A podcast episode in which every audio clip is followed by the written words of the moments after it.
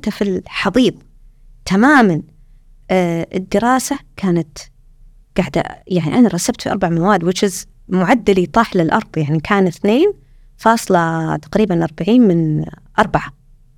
هذا ولا شيء. طيب.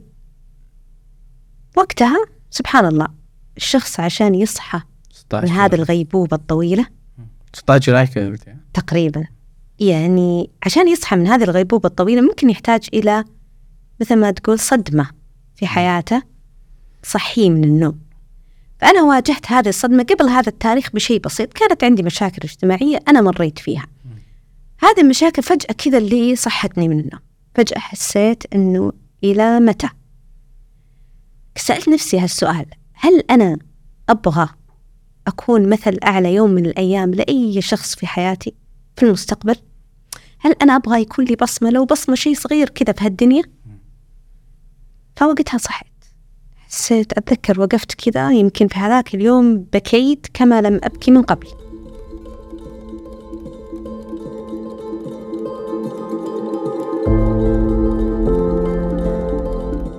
السلام عليكم. أنا عبد العزيز الفريض وأنت تستمع وتشاهد بودكاست سعوزي في هذا البودكاست نستضيف مبدعين في أستراليا.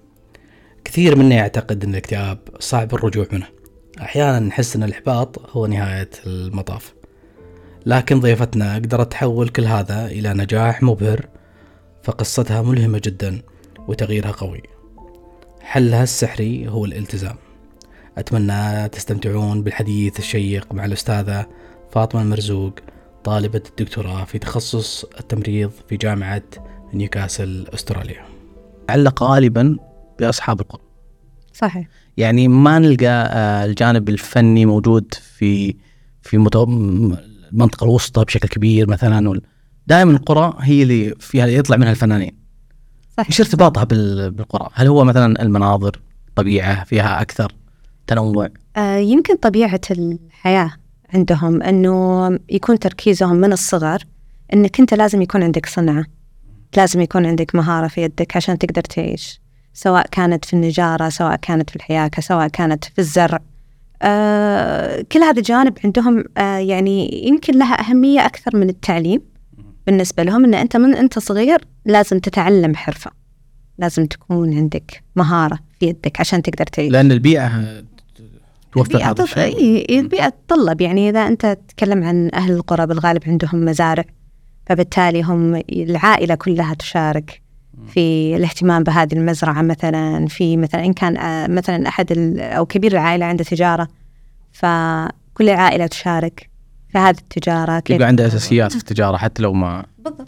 وهذا هذا المدخل آه، جميل لأن آه، ما شاء الله أنا التحضير البسيط اللي قدرت أحضره أنت طالع من من عائلة خلينا نقول مثقفة. الوالد الله يعطيه العافية شاعر. الوالدة كاتبة مقالات. أختك كاتبه مقالات أيضا. بالضبط يعني علمينا كيف كيف النشأة في بيت زي كذا؟ أه بصراحة يعني من كنت صغيرة كنت يعني ألاحظ أن بيتنا ما شاء الله بشكل عام عندنا القدرة على التعبير عندنا القدرة على إيصال المعلومة. يمكن نكون توارثناها يعني الله العالم. بس أنا شفت هالشيء يعني حتى كان أبوي الله يحفظه كثير يكرر من أشعاره عندي. فأنا كنت أحفظ من هذه الأشعار أحفظها وأرددها وظليت أحفظها وإلى وقتنا الحالي أنا أحفظ كثير من أشعار أبوي. طبعا أبوي الله يحفظه يكتب في مثلا في الهجاء يكتب في الرثاء يكتب آه، في السخرية. يعني بعض المواقف تكون لا مضحكة يقوم يكتبها بطريقة شعر. ف أتذكر وأنا صغيرة قررت أنا خلاص أنا بمشي على مسار الوالد. أنا بكون شاعرة. أنا كان قرار يعني. ف جربت كتبت أول محاولة شعرية وغسلت يدي. قلت خلاص هذا مو طريقي. هذا مو أنا. أوكي أه بس أنا ودي أكتب. تذكرين القصيدة اللي كتبتيها ولا؟ والله ما أدري. كنت في ابتدائي وكان ما أدري عصفور ما أدري وش صار فيه ما أدري والله ما عندي سالفة. يعني كان يعني كانت يعني طفلة طفلة تحاول تقلد آه، مثلها الأعلى خلينا نقول. أه شوية لاحظت أمي أمي كذلك كان أه كل مرة يستصعب علي شيء في الكتابة في مادة التعبير أيام المدرسة أيام ابتدائي كنت أجي لأمي تعالي اكتبي لي. طلبوا منا كذا اكتبي لي. كانت تكتب تكتب شيء مرة جميل. فجلست آه، أبغى أبغى أكون زيهم خصوصا كنت الأصغر في البيت. فأبغى أكون زي خواتي خواتي يكتبون مرة يعني مقالات وإن كان نثر وإن كان كذا. فجأة لقيت نفسي أوكي. وأنا في المرحلة الابتدائية أنا حابة فكرة القصة. حابة القصة كيف تبدأ كيف تنتهي. حابة وجود الشخصيات في القصة. كنت أقرأ كثير من القصص القصيرة اللي كانت يعني أمي تشتريها لي إخواني يشترونها لي. كنت يعني من عمر صغير بدأ أقرأ قصص. بدأت أول تجربة كنت في المرحلة الابتدائية وكتبت قصة. قصة قصيرة جدا ولكن حسيت بمتعة وأنا أكتب الشخصيات. بمتعة وأنا أنقل الأحداث بمتعة وأنا أختمها. كانت يعني قصة طفولية صغيرة جدا بس كانت سعادتي فيها هي اللي خلتني أقول ممكن إنه أنا في المستقبل لربما أن أنا أكون كاتبة بطريقة ما في المجال القصص في مجال الرواية. الرواية. إيه طيب يعني أنت لما تكتبين القصة لما كتبتي قصتك الأولى هل هل هل مثلا الوالدة هي اللي تراجع لك؟ الوالد؟ أبدا أو إنه مجرد إنه مجرد سر يعني كنت آه. أستحي أطلعهم يعني آه، كنت أشوف أن أنا مجرد أها. فقط لا غير كنت أنبسط لما أكتب فكان بس ما كانت تتبع يعني قصدي. ما تتبع مثلا نظام معين يعني ما درستيها لا, دراسة. لا أبدا أبدا لا آه. دراسة ولا شيء هو مجرد قراءة محاولات. آه، تحولينها أقرأ كنت في البداية مثلا أقرأ قصة و- أوكي تلهمني بطريقة ما أن آه. أنا أنسج فأكتبها خيالي كان واسع جدا. لا إله إلا الله. مليون شخصية أحط مدري إيش وألعب. بس كانت كتابة يعني كتابة طفلة يعني قصص كأنها قصص أطفال. بعدين لما وصلت للمرحلة الثانوية هنا بدأ آه، أنا أساسا بدأ يزداد عندي عشقي للقراءة.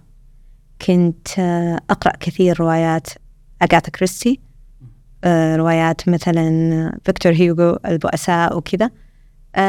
وكنت أستمتع. كنت لما أقرأ الأغاثا كريستي أشوف هي كيف كاتبة يعني مثل ما نقول ال perfect crime كذا جريمة مثالية محكمة. فيها عناصرها بطريقة جذابة بطريقة أنت لما تقرأ تحس أنك قاعد تشوف فيلم واقعيا. أنت تشغل خيالك أنت قاعد تشوف فيلم. اندمجت مع كل شخصية كتبتها. ختمت كل روايات أجاثا كريستي. صار عندي هذه الرغبة اللي أنا أبغى أكتب زيها. ممكن ما يكون في مجال الجريمة. بس أنا أبغى أكتب رواية. فأتذكر أول رواية كتبتها واقعيا رواية أقدر أسميها كنت في أول ثانوي. كتبت كذا رواية آه وسميتها أتذكر لحظة صمت. طبعا أنا الكاتب وأنا ال- المعد وأنا الناشر وأنا كل شيء. يعني أنا أخذتها بس من كثر ما أني مبسوطة فيها أنها رواية كاملة. طبعتها في ورق وغلفتها هذا التغليف الحراري القديم. وضبطتها كذا أنه أنا عندي روايتي. طيب أعطيتها أهلي خواتي قروها وكانوا يعني آه، يشجعون إنه مرة حلو مرة تمام. بس كنت أبغى زي ما تقول شفت لما أنت تبحث عن رأي شخص من خارج البيت. إي يعني ما في مجاملات. بالضبط. آه. كنت أحس أوكي هذول قاعد يسلكون. ويعني أنا أصغر واحدة في البيت ما يبون يكسرون بخاطري يعني فكل واحد يقول لي حلو تمام؟ تمام. شغل اشتغل شغل تمام. فأتذكر أني أنا كانت لي الجرأة بإني آه، أكلم أستاذة درستني الله يذكرها بالخير اسمها أستاذة أمل أبو علي وأنا يعني راح أبقى ممتنة لها إلى هذه اللحظة على الشيء اللي سوته لي لما أنا جيت لها وقلت لها أستاذة أمل أنا أحب أكتب. قام وأنا كتبت رواية. أبغى أخذ رأيش فيها. بالعكس شجعتني ويلا تمام أعطيني إياها عط- أعطيتها إياها. وأنا كذا بهذا الملف اللي طبعتها فيه وأمشي فيه وين ما أروح. وتذكر designات حقت ال Word القديمة؟ إيه. هالشي- هالعنوان لحظة صمت كان ب design ال Word القديم؟ بال... هذا المايل. ولا إيوه بالضبط. فأعطيتها وأنا أنتظر ما قدرت أنام. أنا في هذا الأسبوعين اللي أنتظر رايها بهذه الرواية أنا ما قدرت أنام. تفكرين في. في الرأي. بالضبط. إيش بي إيش بي إيش بيكون؟ بتقول؟ مم. طيب نكنسل المشروع. خلاص ما عاد أكتب. ولا يعني ناخذه business ولا إيش بالضبط؟ أه. انتظر. آه كنت معلش كنت في الثانوية وقتها؟ أيوه أولى ثانوي. ما شاء الله أولى ثانوي. اي ممتاز. هذا هذه خطوة أنا أشوف إنها خطوة يعني جريئة في اتجاه صحيح. جداً. يعني أنت أنت جربت شعر؟ ما ما ما لم بس تصدق بس معنا ترى التجارب حتى لو كانت فاشلة. أو ان أح... أنت حكمت عليها بالفشل. ممكن لو أنا حاولت مثل الروائي ممكن تكون شيء أفضل. لكن قصدي إن التجارب هذه البسيطة حتى لو كانت على استحياء هي آه، بشكل أو بآخر تشكل آه، الوضع اللي أنت عليه الآن. يعني صحيح. التجارب تعتبر تجارب. صحيح. وخصوصا شوف في موضوع الكتابة ترى أوكي هي تبدأ كفطرة آه وكموهبة موجودة فيك أنت بعدين مع الأيام تطورها. ولكن في برضو عامل مهم إنه الكتابة أنواع والكتابة مجالات. فأنا هالشيء شفته داخل بيتنا وشفته في المجتمع بشكل عام. يعني مثلا آه أختي الكبيرة الله يحفظها مرة شاطرة في المقالات. إن كتبت مقال فهو مقال. لغة عربية سليمة صحيحة يعني آه يعني استحضرني آه، مقطع من مسرحية العيال كبرت. أنت بتقولي كلام كبير يصعب على أمثالنا فهمه هذا اللي ينطبق على أختي ما شاء الله. يعني تكتب كلام عربي من العيار الثقيل. ولكن أختي ما عندها مهارة الحبكة الروائية. أنا عندي هذه المهارة. فهو بس اختلاف التوجهات فأنت تعرف أنت في إيش ممكن إنك أنت السؤال آه، أحسها مهارة. يعني هل هي أداة؟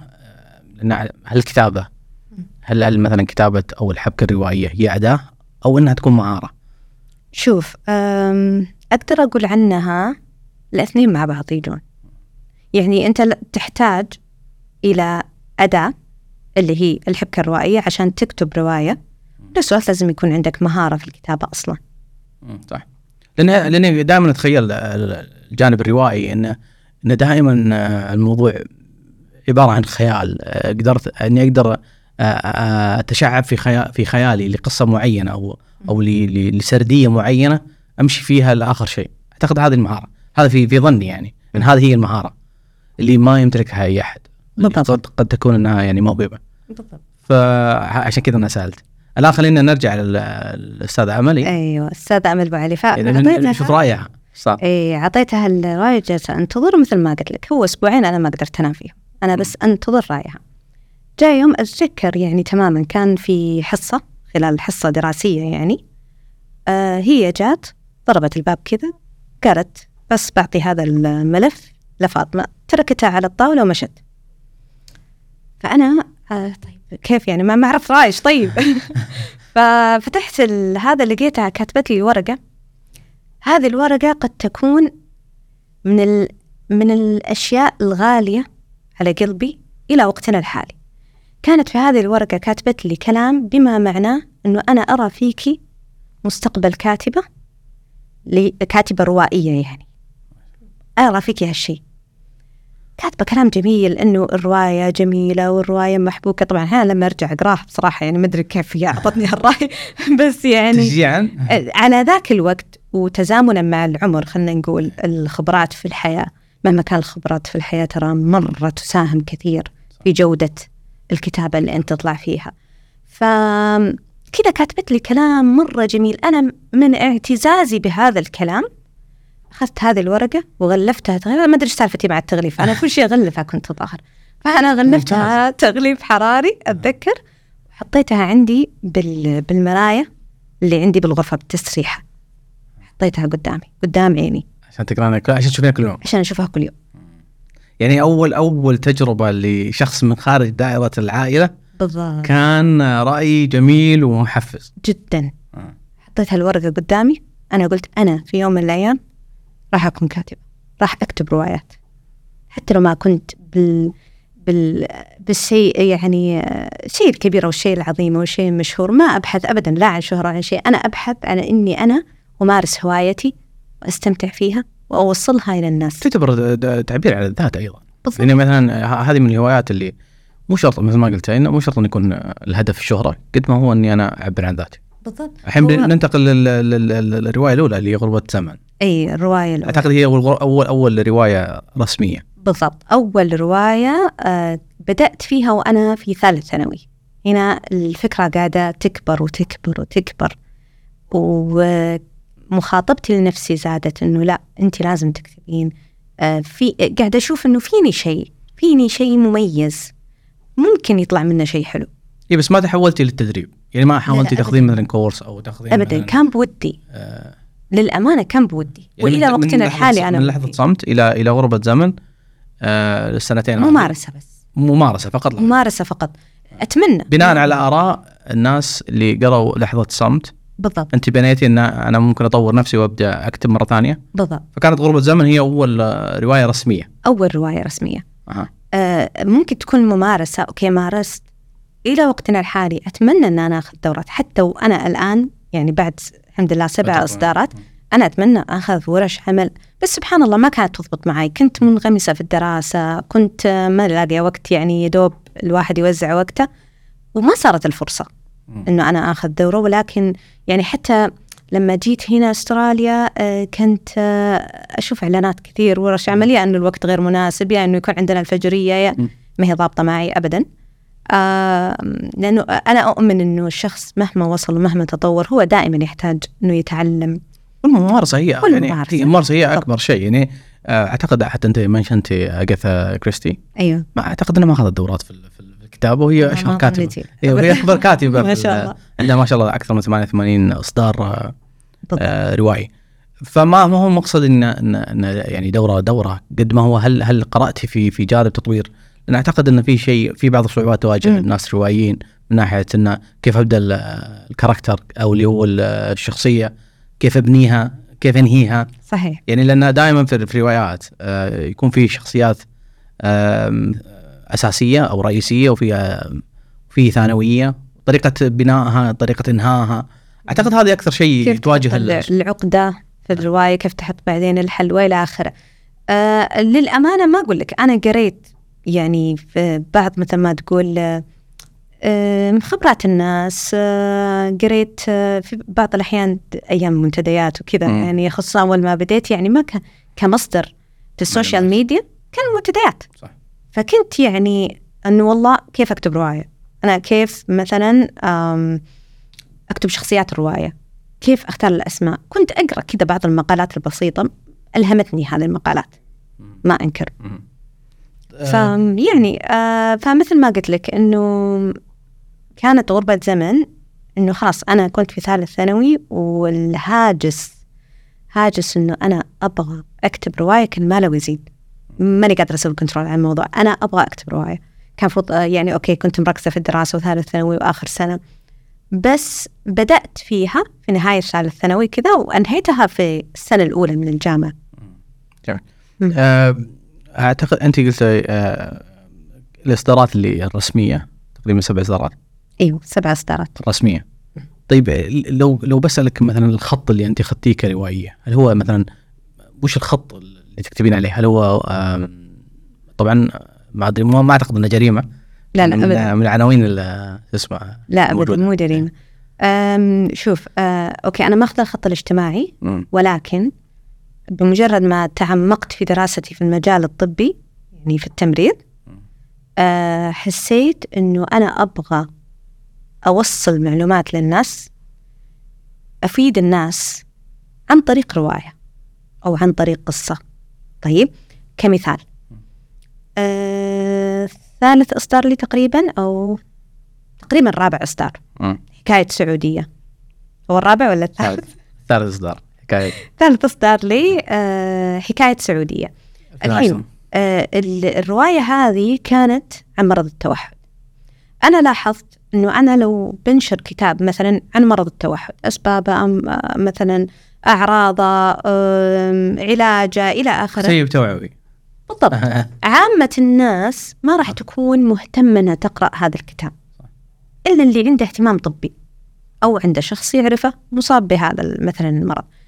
فعامة الناس ما راح توصل لها المعلومة. طيب الناس كيف تستوعب أي معلومة؟ تجيبها في قصة. تجيبها في سالفة. صح. فأنا نسجت شخصية أتذكر أنه أسميتها شي- شيماء وكانت شيماء مصابة بالتوحد ومسكت يعني جوانب حياتها. أنا خليت تقريبا بداية الأحداث كان قبل لا تتوفر مدارس ل- آه، لمرضى التوحد في السعودية للبنات. كانت قبل هذا الوقت. يعني ما أتذكر التسلسل الزمني بس أتذكر أنا كنت حاطتها في السبعينات أو شيء زي كذا. فمشيت مع الأحداث تعامل المجتمع معاها آه، تعامل أهلها معاها رفض أهلها لفكرة أنها مصابة بمرض مثل مرض التوحد. فطبعا كتابة هذا العمل سبق استشارات مع متخصصين. يعني أنا أوكي أنا عندي المعلومات الطبية اللي أنا درستها. لكن لا أحتاج من ال من ال مثل ما نقول من الميدان نفسه.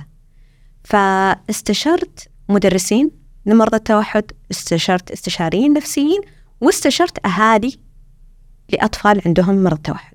يعني انت بنيتيها على قصص موجودة ولا؟ لا لا ابدا. قصة آه. خيالية. خيالية بالكامل. خيالية بالكامل. مني أنا بس كنت محتاجه عنها؟ محتاجة أعرف حتى طريقة حركتهم حركة آه يدينهم أوكي. كيف يتكلمون كيف يتصرفون علشان لما أجي أكتب الأحداث تكون يعني واقعية أكثر, واقعية أكثر. وعلشان يكون عندي آه، يعني حتى من ناحية مثلا والله التدريس العلاج يعني احتجت أن أنا يعني ما أكتب شيء من عندي من فراغ. ففي بحث يسبق آه أوكي. هذا الشيء. ف فالحمد لله رب العالمين. يعني هذه طريقتي هذه كانت آه يعني قدرت الحمد لله عن طريق هذا الكتاب أوصل للناس مثل ما تقول معلومات عن التوحد. فأنت لما تمسك الكتاب بإذن الله تكون استمتعت وتكون استفدت. أنت ما تكون ضيعت وقت عن طريق حبكة يعني. حبكة روائية. كانك كأنك كأنك تقول قصة لشخص بالضبط. وتحاول إنك تحط فيها معاني أو تحاول توصل فيها رسائل بشكل آه، صح. فني. صح عليك. فهذا المنهج وهذا المسار اللي أنا ماشية فيه في أغلب رواياتي هذه طريقتي. أكون أبغى أوصل رسالة بس بستخدم الرواية كوسيلة لتوصيل هذه الرسالة. هذا سعود خريجنا من جامعة نيو ساوث ويلز في أستراليا لعام 2023 سعود قبل أربع سنين شد العزم وقدم على الابتعاث. من خلال موقع كيدي International فتح جهازه قدم مستنداته ووصل قبوله.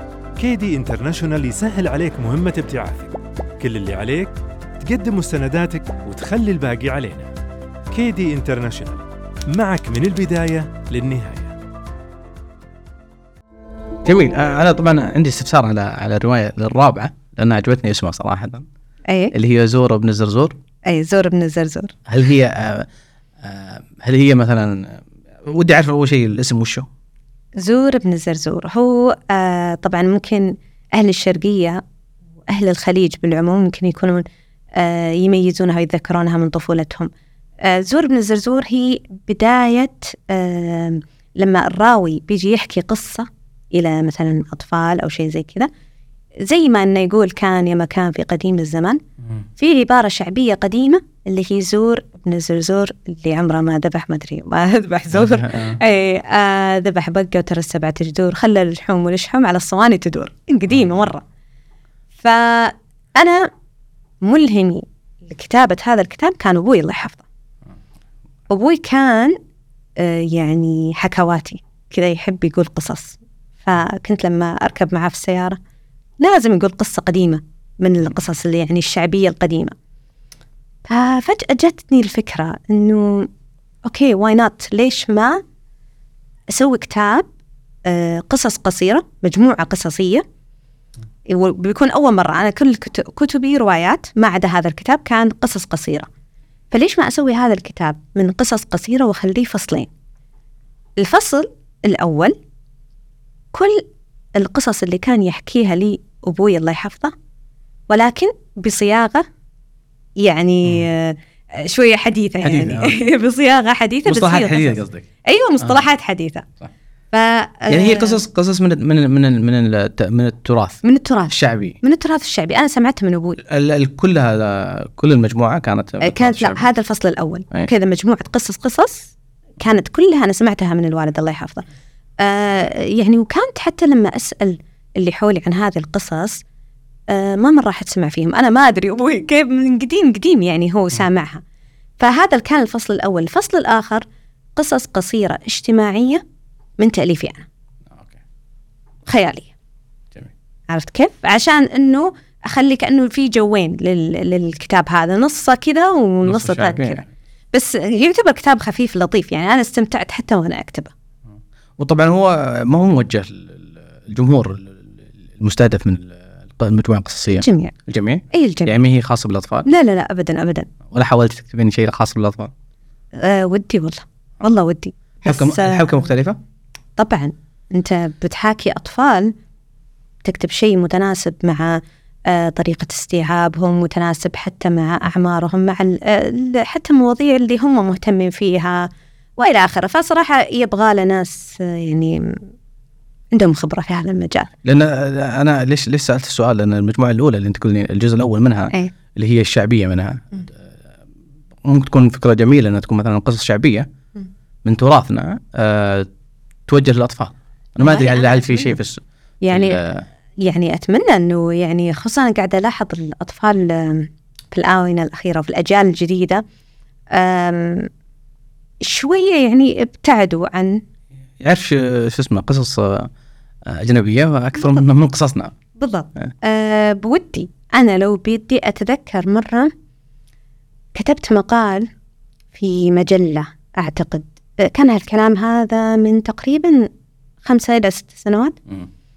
أه كانت آه، مجلة للأطفال وطلبوا مني أكتب مقالة. هي تناقش مواضيع مخصصة للأطفال يعني تربية الأطفال وإلى آخره. فأنا كتبت مقالة بعنوان إن قصة ما قبل النوم. كنت أتكلم فيها عن إنه أحكي لطفلك قصة بما بهذا المعنى يعني أحكي لطفلك قصة قبل النوم. إيش تأثير هالشيء؟ يعني وأتذكر أن أنا صغت المقالة بطريقة إنه آه إنك تعرف طفلك على مثلا آه على ليلى كيف هي مثلا آه والله ما سمعت كلام امها ولا مدري إيش. عرف طفلك على مثلا حذاء سندريلا. أنا ناسي تفاصيل المقال صراحة صار لي سنوات من كتبته. ولكن كان من الأشياء اللي لأني من الأشياء اللي تهمني لأني أنا جزء كبير من تربيتي كان منه قصص كان مدخل القصص. عرفت؟ لما بتزرع في طفلك قيم معينة مبادئ معينة القصص أسرع وسيلة. أنا بالنسبة لي أشوفها. أسرع وسيلة أثرت فيني. في تربيتي يعني آه لما تكلمت عن اجهزه آه، كريستي كان فيه نقطة كذا دائما في البال اللي هي إنها هي يسمونها ملكة أو ملقبينها ملكة الجريمة. مم. آه لما تقرأ في سي- سيرتها هي في الحرب العالمية الثانية أعتقد شاركت في المستشفيات كممرضة. بالضبط هل هذا تشابه مع مع فاطمة ولا ولا مجرد يعني صدفه صدفة؟ صدفة ولكن يعني هل صراحة هل صدفة أثر جميلة. عليك؟ هل أثر عليك الشيء هذا؟ ابدا أنا على فكرة يعني ما كنت أختار التمريض كتخصص في البداية كن صريحة آه، ابدا التمريض ولا كان واحد بالمئة إنه أنا أكون في التمريض إي بس أنا ليش ليش سألت السؤال هذا؟ لأنك أنت جذبت إن لما تكلمت عن مثلا ال- حقت حكاية سعودية مم. لما تقولين انه شيء من من تجاربي كممرضة.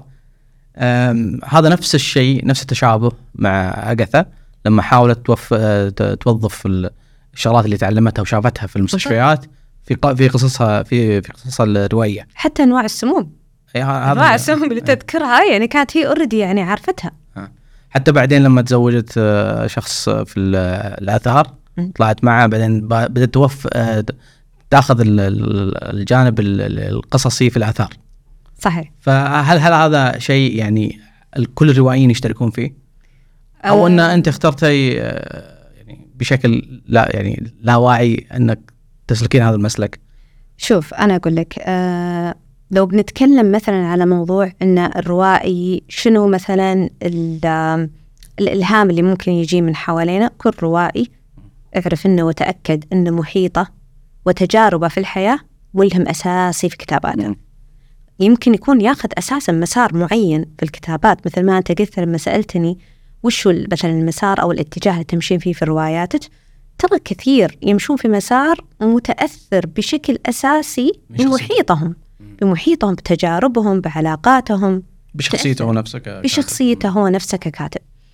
بالنسبة للاختياري أنا مثلا لتخصص التمريض أو شيء آه يعني ما كان شيء مثلا أنا قصدته لغرض الكتابة. مم. كنت ترى آه، في بدا بادئ الأمر كنت أفصل. أنا دراستي هنا أنا موهبتي هنا. كنت ما أحب أن أنا آه، أخلط ما بين الاثنين في هذاك الوقت في اعتقادي أنه هذا الشيء الصحيح. أن أنا دراستي تكون على جنب وك- بس واضح انه. تغير رأيك لأنه في- بعدين تغير إيه، في الق- في القصة اللي بعدها ممرضة على السطر. إي مو مرة. بعدين خمسة- أو قبلها 15 عام من السمنة بعدين ممرضه على السطر. إي. واضح إن ال- ال- التخصص غلب عليك في إي الموضوع. هذا. تخصص خلاص. لأن آه، أنا قصتي طويلة كان مع التمريض فوصلت لمرحلة آه، من ما, ما بين عدم تقبل التخصص إلى مرحلة تكيف إلى عشق وهيام بهذا التخصص إلى أني أحمد ربي كل يوم أنه الله جمعني بهذا التخصص بهذا الشكل. هذه غير هذه متوقع. هذه دخلة جميلة جدا لأني أنا هذا هو السؤال اللي أنا ودي أسأله. تفضل. لما لما نتكلم عن 15 عام من السمنة أنا أعتقد إن فاطمة عاشت تجربة معينة غيرت حياتها تكلمت أنت عنها من من حتى أثرت على حبك للتخصص. صحيح. نظرتك للحياة. آه، خل خلينا نقول إنها هي نقطه تحول كبيرة من إن فاطمة تكون إنسانة عادية إلى إنسانة مبدعة في مجالات سواء في ال- في الروائي في في حبها للتخصص فإذا ودك تكلمين عن التجربة. هذه تجربة يعني أنا إلى الآن يمكن آه، ما أنسى تفاصيلها ما أنسى لحظاتها يعني الصعبة منها قبل حتى الجميلة والسهلة منها. طبعا أنا سبحان الله أنا من الأطفال اللي يعني عاشوا طفولة مع سمنة مرضية. يعني من تقريبا المرحلة الابتدائية أنا بديت أكتسب وزن وأكتسب وزن. وكل سنة تمر كانت تحمل معاها كيلوات زيادة على جسمي. يعني كان وقتها عرفت اللي طفلة صغيرة ولكن أنا من دخلت المدرسة وأنا أتعرض للتنمر كل يوم. كل يوم كنت أرجع البيت وأبكي عند أمي وأقول لها أنا ليش سمينة؟ أنا ليش أمتن من زميلاتي مثلا معي بالمدرسة؟ فأمي ما كان عندها جواب. أنا أقدر أمي كانت يعني جدا صعبانة عليها. تبغى تلقى لي حل بس كنا في وقت ما في حتى ثقافة الحمية الغذائية للأطفال. فحتى أتذكر أمي لما أخذتني إلى مثلا أخصائية تغذية ترى هي عطتني آه، وصفة جاهزة ونظام غذائي قصدي جاهز لمرضى السكر. وأنا كنت طفلة. طفلة إيش بتقنع مثلا طفلة تاكل صدر دجاج مسلوق؟ ليش يعني؟ ف آه، كل سنة كنت يزيد كرهي لهذه الحقيقة أنه أنا مختلفة على البقية. فمع وصولي للمرحلة المتوسطة أنا خلاص وزني ثلاثة أرقام بالميزان. من المرحلة المتوسطة. وهذا صعب على على طفل في المرحلة هذه. مراهقة لأن لأن مثل ما قلت أنت يجيب مع أشياء ثانية يجيب مع الضغط الاجتماعي. ضغط المجتمع عليك نور كطفل وصلت. كطفل حتى حتى أعتقد يعني دائما لما نتكلم عن الطفولة دائما نتكلم عن عن مرحلة ال- ال- ال- اللي يكون فيها الواحد آه، حرك بزيادة. آه، ألعاب طلعات. فصعبه جدا من ناحية اجتماعيا وأيضا حتى حركيا. بالضبط. أه. فأنا كنت في عمر مثل ما أنت قلت يعني عمر ال- الكل قاعد يتحرك من حولي. صديقاتي صحباتي في المدرسة الكل قاعد يتحرك الكل قاعد يلعب الكل في حالة حركية مستمرة. أنا ما كان عندي هذا القدرة. آه، لا القدرة الجسدية ولا القدرة النفسية لأن أنا كنت محبطة تماما. كنت أشعر بالخجل من وزني ومن شكلي. كانت التعليقات يعني تأتي باستمرار. عرفت اللي لما يكون في ضغط مجتمع كأنه المجتمع حط معيار للجمال وهذا المعيار أنه البنت لازم تكون نحيفة ال- الولد لازم يكون رياضي المدري إيش كأنها معايير هم نسجوها وهم اقتنعوا فيها وهم قاعدين يأثرون عليك أنت كشخص آه، بهذه التعليقات بهذه المعايير. فأتذكر كانت يعني من أسوأ التعليقات اللي كانت تجيني أنه والله أنت جميلة بس لو تنحفين. كأنه في لو هذه اللو. طيب أنا ماني قادرة أجيب هاللو ذي. أنا بوزن ثلاثة أرقام ماني عارفة كيف أتصرف معاه في هذاك. العمر. أتذكر أمي سوت المستحيل. أمي كانت الله يحفظها حتى كانت شفت مجلات تذكر مجلات سيدتي وزهرة. الخليج وكذا. من تشوف حمية غذائية قامت كتبتها وطبقتها علي. كل شيء تجرب علي. وأنا مسكينة هي تبذل مجهود وأنا آكل في الفسحة في المدرسة. فضيعنا التعب كله. ما في كنت أخبي شوكولاتة ومدري إيش لأني مراهقة ترى يعني طفلة صغيرة احتاج يعني. احتاج أحتاج الشيء ال- طبعا السكريات وهذا طبيعي إنه يكون بالضبط. أنت ما تقدر تحرم يعني ولا كان في ما عندنا لا ما في. توازن في ال- في ال- إي ولا كان في عيادة ولا كان في ناس أخصائيين لسمنه مثلا الأطفال أو كيف نتعامل معها أو شيء زي كذا. وكل سنة أنت تزيدين وزن والضغوط الاجتماعية تزيد؟ بالضبط. أمي مسكينة تخليني أمشي على مثلا ما ما أقدر أسميه حمية ولا دايت. كان أيام أول يسمونه رجيم. رجيم. هذا هو الرجيم. أمشوا على رجيم. طيب أمشي على هالرجيم وانحف كذا ابو كيلوين ثلاثة وانبسط وأحتفل بهذا الانبساط بإني أنا آكل أكثر. أرجع أزيد وزن. طيب وين وين وين وصلنا؟ يعني أنا كل سنة يزيد وزن يزيد الضغوط النفسيه أه أعتقد أنا أو أقدر أتخيل أن حتى الضغط ال- ال- الاجتماعي على العائلة كلها بالضبط. متى وصلنا إلى نقطة التحول؟ آه، أنت قلت نقطة مهمة الضغط على العائلة. أنا كنت أحزن على أمي كنت أشعر بتأنيب الضمير. آه، أمي كانت يعني مثلا في المناسبات وكذا يجي يقول لها طيب ما وديتوها المستشفى طيب ما ما شفتوا حل ما يعني آه، واحد ناقص يعني. فخلاص يعيشون كأن الوالدة هي اللي. مقصرة في الموضوع. بالضبط لأن أمي للأمانة ما قصرت. بهذيك الإمكانيات أنت لا تقول ما عندنا social media في هذاك الوقت. طيب أنا مو مرة قديمة يعني بس إنه كان آه ما في social media زي الآن يعني. ال- الانفتاح المعلوماتي اللي ولا كان في ثقافة الأكل الصحي والممارسة الرياضة ما كانت موجودة ومنتشرة. حتى كان كان يسمونه أكل diet. أكل diet اللي يجيك كل شيء diet بر كان غالي وأمي تشتري. ليش؟ على سبيل إنه أنا على أمل إن أنا أنحف. بس. إحنا من ثقافة اللي ناكل كل شيء بعدين نشرب سفن diet.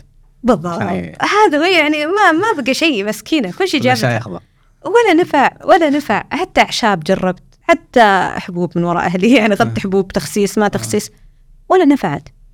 يعني كانت الإرادة في في الأرض وكنت خلاص يعني نفسيتي كل ما تنضغط من التنمر اللي كنت عايشة فيه كنت أحط حملي على الأكل. كنت ألقى الاكل. الأكل متنفس. هو المهرب. والله عاد كيفكم متى أنتم إلى إلى إلى إلى إلى الثانوية؟ إلى الثانوية آه في الثانوية زاد الأمر إلين دخلت الجامعة زاد وزاد الأمر أضعاف. إلى أن وصلت إلى وزن 125 كان هذا أعلى وزن أنا وصلت له. فبداية الجامعة مع 125 وتزامنا مع قبولي في تخصص أنا ما كنت أبغاه أنا كنت أبغى طب. طيب بتقولي ليش أنا لهالدرجة متحاملة كنت على التمريض أو ما أبغى التمريض؟ كان فيني شعور أنا ماني قد هالتخصص من الناحية الجسدية. أنا ماني قد الحركة في هالتخصص ذا. أنا ماني قد آه، روحة وتعال وانزل وصعد ترى يعني التمريض يحتاج مجهود جسدي. أنا قاعد أتخيل نفسي يا أخي أنا أمشي خمسة دقايق يعني نفسي ينقطع. كنت أساسا إذا نمت في الليل أنا ما أقدر أتنفس كويس. آه يعني سيطر عليك ال- ال- الحالة إلى إلى إلى إلى ما وصلت إنه حتى صار يدخل في قراراتك المستقبلية. بالضبط. أنا ما أنا ماني شايفة إنه التمريض يعني مناسب لي. ليش؟ يعني اول أول لقاء مع. التمريض ما كان لقاء جيد. ما كان لقاء جيد ابدا. كنت أنت تحتاج حركة وأنا ما بحبش الكلام ده. آه. يعني أنا خلاص يعني ماني شايفة إنه أنا أقدر على هذا التخصص. طيب وش اللي خلاك تختارين إذا أنت؟ آه كان للأمانة وقتها انت تعرف نسب القبول ما نسب القبول وكذا فأنا آه كنت أبغى طب آه ولكن علشان كذا أبو فاصلة تسعة مدري كم في المعدل. تراكمي مدري إيش قالوا ما في إلا من التخصصات الصحية إلا تمريض. وأنت تبين تخصص صحية؟ أنا أبغى المجال الطبي. آه أوكي. من البداية ومن الأزل ومن صغري. هل هل هل هل, هل سبب اختيارك للتخصصات الطبية لأنك كنت تعانين من السمنة أو أنه. شيء مثلا إيش سبب اختيار؟ هل هل في أحد من من حواليك آه، مثلا؟ من طفولتي من لما تعرف لعبة الدكتور. آه، سماعة ولا هذا؟ أنا أبغى. طبيعي. أنا بأدخل بس ما في أحد من الطبي. القريبة. آه، طبعا هو من أهلي يعني آه، أخوي الكبير الله يحفظه طبيب أسنان شاء آه، العائلة أغلبها داخلة في المجال الطبي أخي الثاني في قسم الأشعة آه، عيال خواتي وكذلك يعني بشكل عام العائلة أسباب كلها كانت كثير من أفراد العائلة عندي في المجال الطبي. فهالشيء بعد زاد أثر أكيد. في أنه أنا رغبتي بهذا التخصص. كنت أشوف أنه آه هو الشيء اللي أنا أطمح له أو الشيء اللي طبيعي. آه طيب حضرتي أول. أول أول آه، طيب أنت الحين أول لقاء ما كان ما كان ممتاز. ما كان أبدا طيب، أبدا كنت كيف- كيف كملتي؟ حاملة آه ما عندك خيار ثاني خلاص. يعني أنت يعني بس بس اتخيل أنا مثلا كيف دراستك أول سمستر أو أول فصل؟ آه رسبت في أربع مواد. طيب. رسبت في أربع مواد. كانت زي الضربة. لأنه أنا آم، في أيام الثانوية مستواي جيد. أربع مواد من كم مادة؟ من كم مادة؟ هذا هذا حصيلة السنة. كان ظاهر في الس... أتذكر يمكن في السمستر الواحد كنا ندرس خمسة مواد أعتقد. آه يعني 10 سنوات عشر- مواد تقريبا تقريبا إذا ما كنت غلطانة. أيوة رسبت في أربعة. المشكلة أنه أنا من ال... من المضحك المبكي. يعني شوف أنا أقولها لأنه أنا أفتخر حتى بغلطاتي آه، أنا رسبت في مادة أخلاقيات مهنة التمريض أنت لما تقعد تفكر بينك وبين نفسك يعني تقول يا الله إيش المستقبل الجميل إيش النقلة القوية يعني أخلاقيات مهنة هذا هذا أول خطوة في عالم التمريض طيب انه يكون فيه. بتخيل يكون حتى الفشل هذا بيكون بيكون ضغط إضافي على. الضغط اللي مفترض إنه. يعني فأنا بصراحة كان موضوع السمنة هذا هاجس كان آه، مسبب لي إنه أنا ما عندي ثقة في نفسي أبدا. ما عندي ثقة أتكلم ما عندي ثقة أحاور ما أوقف قدام الناس أصلا وأتكلم. أنا كنت silent وأقعد في آخر ال class آخر الكلاس. ما حد يعرف اسمي أصلا ما حد يعرفني ما حد يعرف أنا مين ولا أنا إيش شخصيتي. والمشكلة اللي اللي كثير موجودة يعني بصراحة في في كثير من الناس إنه والله تحكم عليك من الظاهر. وللأسف الإعلام ساهم بتوصيل صورة الشخص المتين هو شخص آه، مضحك آه، غبي يعني تعال ضحكي لنا. خلي دم. خفيف دم. أوكي خفيف دم هذه موجودة. بس آه، إنه دائما يجيبون إنه الش- الشخص الساذج. اي لأن ترى أعتقد إني سمعت مرة يتكلمون عن خفه الدم وارتباطها بالمتن اللي هو إيه. إنه تكنيك يستخدم في تشتيت بالضبط إيه، فصار هو كان defense mechanism. إحنا نسميه أو يعني وسيلة دفاعية إيه. إنه علشان أنا أخلي الناس تحبني فأنا تتشتت عن جسمي دمي خفيف إيه، يصير يصير دم دمي خفيف. إيه. آه بس بشكل عام يعني أنا لاحظت إنه هذه الفكرة ال- ال- السائدة عن الشخص اللي أنا. أنا الحين اللي ودي متحمس ودي اسمع اللي هو أنت الآن عندك مشكلة سمنه بالضبط لها سنوات الآن أول سنة رسبتي في أربع مواد يعني في ضغط هنا في ضغط هنا. متى لحظة الانفجار؟ لحظة الانفجار آه طبعا الانفجار ال- الإيجابي. الانفجار الإيجابي كان في 16 جولاي 2009 حافظ التاريخ. كويس. يمكن في أشياء كثيرة أنا قلتها نسيتها. يعني أقول لك إنه مثلا والله كتبت الرواية الفلانية بس أنا ناسية شنو التفاصيل. بس هالتاريخ إيه. أنا بعمري ما أنساه. ليش؟ هذا هو السؤال. أه هل هو القرار تاريخ القرار ولا تاريخ؟ تاريخ القرار. آه. أه واقعيا آه، كانت حياتي أه قاعدة تمشي في الحضيض. أنا أه كنت منعزلة. ما كان عندي أشخاص مقربين إلا اثنين ثلاثة. أه كنت أحس بخيبة أمل كبيرة في نفسي. أحس بأنه أنا خذلت شوية يعني خيبت ظن أهلي. نوعا ما. مع حتى لو ما أعطوني هذا الإحساس. أنا إحساسي بيني وبين نفسي. ثم ترى ما أعطوني. بس أنا إحساسي أنا كنت الوحيدة من البيت اللي طريقي إلى طريق منحدرة ما فيها يعني. فبنفس الوقت قاعدة أفكر بصحتي. طيب هل معقولة بعدين لما أوصل للثلاثينات بصير أنا ما أقدر أشيل نفسي؟ إلى أي مدى راح يوصل سوء حالتي الصحية؟ إذا أنا الحين في عمر يعني حتى العشرين ما بعد أوصل وأنا بالعافية أمشي. يعني آه، هواجيس كذا. هواجيس كلها متجمعة. يعني هذيك مرة كنت في محطة القطار والموظف قال لي يا خالة يعني وأنا أصغر من, من عيالة يعني كان شعور سيء سيء مرة. آه، لما تحس إنك أنت خلاص أنت في الحضيض تماما آه، الدراسة كانت قاعدة يعني أنا رسبت في أربع مواد which is معدلي طاح للأرض يعني كان اثنين فاصلة تقريبا أربعين من أربعة. هذا ولا شيء. طيب. وقتها سبحان الله الشخص عشان يصحى 16 من هذه الغيبوبة الطويلة. 16 جولاي كذا قلت يعني. تقريبا. يعني عشان يصحى من هذه الغيبوبة الطويلة ممكن يحتاج إلى مثل ما تقول صدمة في حياته صحيه من النوم. فأنا واجهت هذه الصدمة قبل هذا التاريخ بشيء بسيط. كانت عندي مشاكل اجتماعية أنا مريت فيها. هذه المشاكل فجأة كذا اللي صحتني من النوم. فجأة حسيت أنه إلى متى؟ سألت نفسي هالسؤال. هل أنا أبغى أكون مثل أعلى يوم من الأيام لأي شخص في حياتي في المستقبل؟ هل أنا أبغى يكون لي بصمة؟ لو بصمة شيء صغير كذا في هالدنيا؟ فوقتها صحيت. أتذكر وقفت كذا يمكن في هذاك اليوم بكيت كما لم أبكي من قبل. كأنه أنا قاعدة أطلع كل شيء بداخلي كل هذه التراكمات. تراكمات التنمر تراكمات آه آه انعدام الثقة بالنفس تراكمات ال- ال- الحياة أو العيش وسط أكوام من الدهون قاعدة أشيلها على جسمي أنا كل يوم. فمثل اللي صحيت حسيت إنه لا ستوب أنا لازم أخذ قرار. أنا لازم أتغير. أنا مؤمنة إنه بداخلي شخص يطلع منه يجي منه. أنا مؤمنة بهالشيء مؤمنة إنه بداخلي شخص من الممكن أن يبدع. بداخلي شخص من الممكن أن ينجح. أنا مو بهذه الدرجة من الفشل. فاخترت إن أنا أخذ هذه العقبة اللي كذا في حياتي أحولها إلى بداية قصة نجاح. ما أخليها كأنه نهاية قصتي وخلاص. لا أنا أبغى هنا البداية هنا البداية تكون. وش الخطوة الأولى؟ الخطوة الأولى ورقة وقلم. أنا إيش أبغى؟ شغلتين.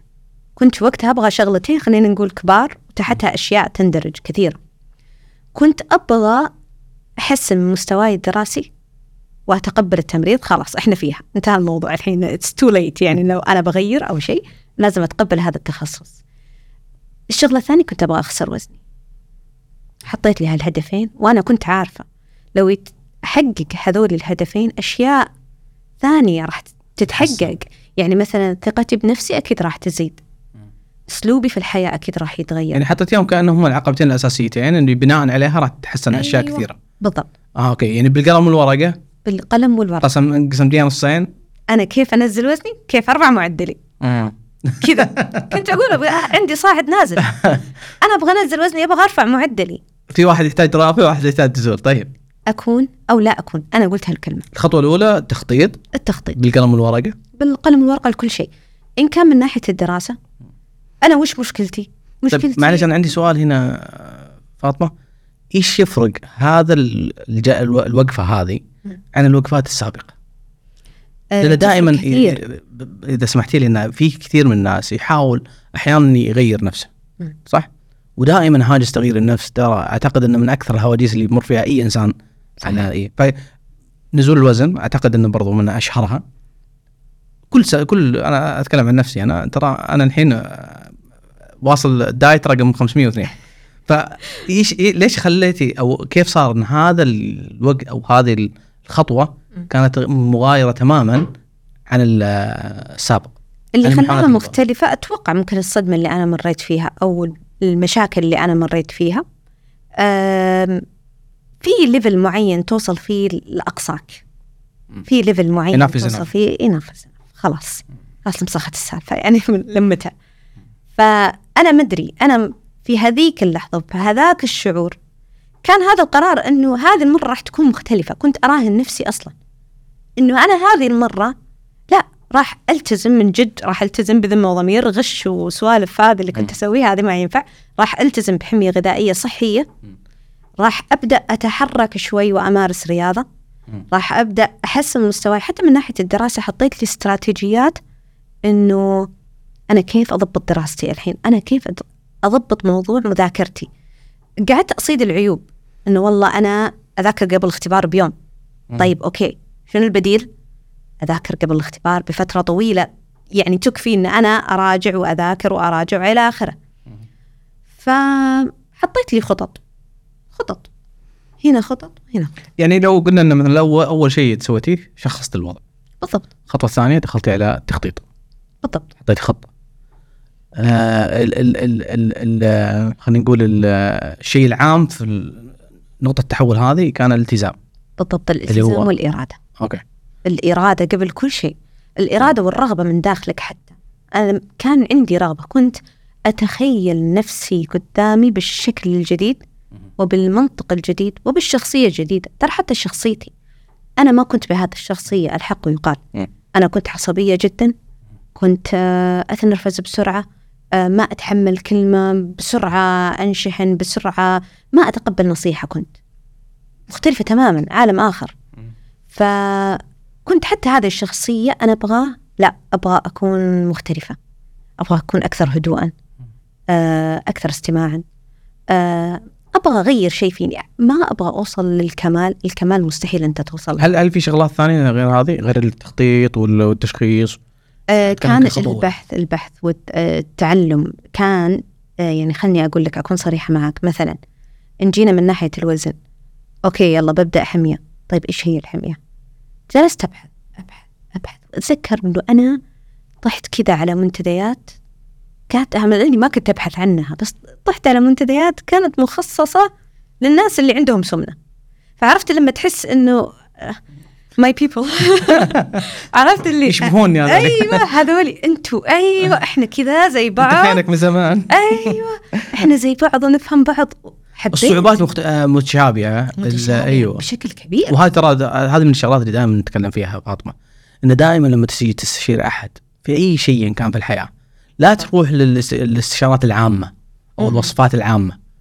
الآن منتشر في, في الإنترنت. الآن إحنا في زمن المعلومات وسرعه الوصول لها فلما تجي تستشير شخص مثلا في موضوع معين آه، في شغلات اللي يسمونها زي ال white label اللي هي العامة لكن ما تقدر تاخذ تجربة أو خلينا نقول نصيحة حقيقية مناسبة لك لما يكون ظروف الشخص اللي قدامك مشابهة مشابهة لك لك لأنه في شغلات كثيرة آه، مشابهة مثلا الظروف صحيح. آم، يعرف الصعوبات اللي تواجهها يعني أنت لما مشاعرك اي لما يجي واحد. سمين ينصح واحد سمين ثاني أو واحد تخلص من السمنة ينصح سمين فهو عارف. هو عارف. وفاهم. نقاط الضعف عارف حتى الاحباطات زي ما قلت بالضبط.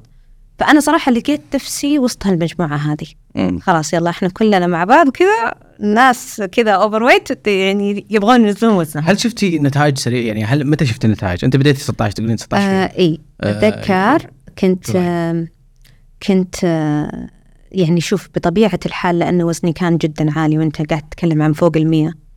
يعني كان تقريبا 125 فبطبيعة الحال أول نزول راح يكون سريع وأنت بعدين سواء. مجرد ما تقرب من مثلا ما بقول ما في شيء اسمه وزن مثالي بس مجرد ما تقرب للجسم المثالي اللي أنت تبغاه تشوف نزولك يكون يكون صح. أبطأ وأبطأ لأن خلاص أنت أجهدت عندك الحرق وأجهدت عندك الميتابوليزم إلى آخره فأول ما بديت أتذكر أول أسبوع في أول أسبوع كذا نزلت سبعة كيلو كان الشعور محفز. الإنجاز فيه وأصور وأرسل لأهلي وشوف وأنا نزلت وبصور الميزان ومصورة تفاصيل الرحلة كاملة وكنت أشارك هذه الرحلة مع الناس اللي كانوا موجودين في هذاك المنتدى وكان هو التاريخ هذا بداية الصملة يعني هي الصملة اللي هي إيه.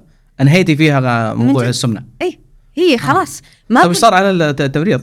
التمريض الحين نزلتي هذا نبي نرفع هذاك أي. نبي نرفع ال- عرفت. اللي وقتها إنه فجأة لما بديت أطالع محاضراتي أطالع الدروس كذا. حسيت اني لما أقعد أقرأ بتركيز وهذا الله يجي مني تراني تراني أعرف. بس أنا ما أعطيت نفسي فرصة. شوية طبعا الحمد لله آه، أوكي ال- الرسوب اللي صار لي أخرني سنتين عن التخرج. سنتين عن التخرج كانت كفيلة بأنها تحبط أي شخص إنه خلاص عطني بس عطني شهادتي في الأخير. أنا انت المجال الصحيه الظاهر تعيد السنة. آه، شو اللي يصير؟ يصير مثلا آه، تعيد الكورس نفسه ما يمديك تاخذ مواد أخرى. صح عرفت كيف؟ لأنه كل كورس مرتبط بالكورس هذا اللي أنت لازم تجتازه. فأتذكر حتى كان في آه، سنة من السنوات كان عندي سمستر كان عندي داوم يومين بس في الأسبوع. لأنه أنا ما عندي مواد كثير أنا بس أعيد. تخلصينها هذه عشان. ال- هذا. فلما عدتهم بديت أذاكر بتركيز الحمد لله اجتزت. كان عندي هدف قدامي ما أبغى أتخرج بأقل من أربعة. معدل. أربعة من كم؟ آه من خمسة؟ أوت أوف فور مهم يعتبر مستحيل ولا؟ بالضبط. فأتذكر لا عفوا عشان أكون صريحة كان خمسة. أو من خمسة. خمسة. هي أربعة من خمسة منطقي. بس أنا كانت يكون في صعوبة، لكن- 2.40 مواد التمريض كانت دسمة. كانت تجيك كورس يعني آه، تمريض الباطني والجراحي تمريض الحالات الحرجة تمريض آه، النساء والولادة وتمريض الأطفال وكذا. كانت كورسات ثقيلة. مم. فأتذكر أنه كنت جالسة مع صاحبتي وقلت لها أنا ما أبغى أتخرج بأقل من أربعة. أنا صاحب مهبولة أنت. آه، كيف يعني؟ قلت لها أصبر أصبري أنا عندي موقع يحسب. كم؟ كم المفروض أنت تجيب في الكورسات الجاية علشان تتخرج بمثلا معدل الفلاني. سويت الحسبة طلع الموضوع إن أنا لازم ما أنزل عن ال A، A، A plus لل- التخصص. إيه. عشان أوصل لهذا ال- الهدف صعب. هدف صعب بس نجرب. ولكنه مو مستحيل. مو مستحيل. وقتها أنا توني اتعرف على التمريض. دوبي بسم الله. زانت العلاقة. هنا بديت أحس لا. هنا في علاقة جديدة تكونت. حسيت إنه أنا مخلوقة. مخلوقة لهذا التخصص. أنا أصلح له هو يصلح لي. بس أنا ما أعطيته فرصة من قبل. أنا رفضت أسمع تجاهلته سنة كاملة. فلما بديت شوي أتعمق أوكي التمريض في كذا في كذا. في تمريض آه، مثلا حالات حرجة كنت مرة مع وعلى فكرة هذا تخصصي تمريض الحالات الحرجة حسيت إنه لا ترى جميل ترى عالم من العطاء عالم من الإنسانية. لما تدخل المستشفى وتتعامل مع أول مريض لك مستحيل تنساه. أول مريض لك أنت مستحيل تنساه. انك تكون مع علاقة صح؟ في علاقة في آه، عطاء في آه، بالذات إن أنتم في- الحالات الحرجة أعتقد إنكم تطولون مع المريض. مرة. يعني في الحالات الحرجة أنت قاعد تتكلم عن العناية المشددة خلاص يعني أحيانا يكون 1 to 1 أو مثلا 1 to 2 يعني. فإنه يكون عندي مريض واحد أو مريضين بس أنا في وجهه طول الشفت. هو في وجهي ما أتركه. فشوية لما بديت ها دخلت في التمريض بديت آه ناخذ شوية مثل ما تقول نطبق بعض الأشياء آه تعلمنا عن آه الأوبر والما الأوبر وهالسوالف وسحب الدم. هنا أنا حسيت عالم جميل. جميل جدا جميل بمعانيه ال- اللي يشوف التمريض من برا ترى مختلف تماما عن لما تتعمق فيه وتشوف إيش حياة التمريض داخل جدران المستشفى مختلفة تماما. فحسيت تحولت المشاعر عندك من- مشاعر تغيرت تماما. بديت أجتهد في الدراسة أكثر آه بديت أنظم وقتي أكثر. ولأصدقك القول كان نمط حياتي الصحي أثر في جودة دراستي. لأنه أنا خلاص ساعد؟ آه، ساعد. أنا مثلا أمارس الرياضة كل يوم فأنا خلاص مرهقة ما فيني أسهر زي قبل. فأنام في الليل. أنام في الليل معناته مذاكرة صباح. معناته في ترتيب في وقت يترتب في جدول عمل ومشيت على خطة الجدول لكل شيء. مثلا أنا عندي اختبار أسوي لي جدول اليوم الفلاني محاضرة فلانية محاضرة فلانية اليوم الفلاني. كل ما أخلص أشطب أشطب أشطب. لما نظمت أموري شفت نتيجة كويسة. بديت في البداية أنجح ب C. بعدين بديت أنجح خلاص ال F ما عاد شفناها الحمد لله. بديت B بعدين لا الحمد لله. ثبت نفسي على ال A وال A plus. هنا طبعا في الصعدة هذه أنا بديت وأخيرا نعرف. بدأ يطلع لي صوت. بديت أقدم الكرسي.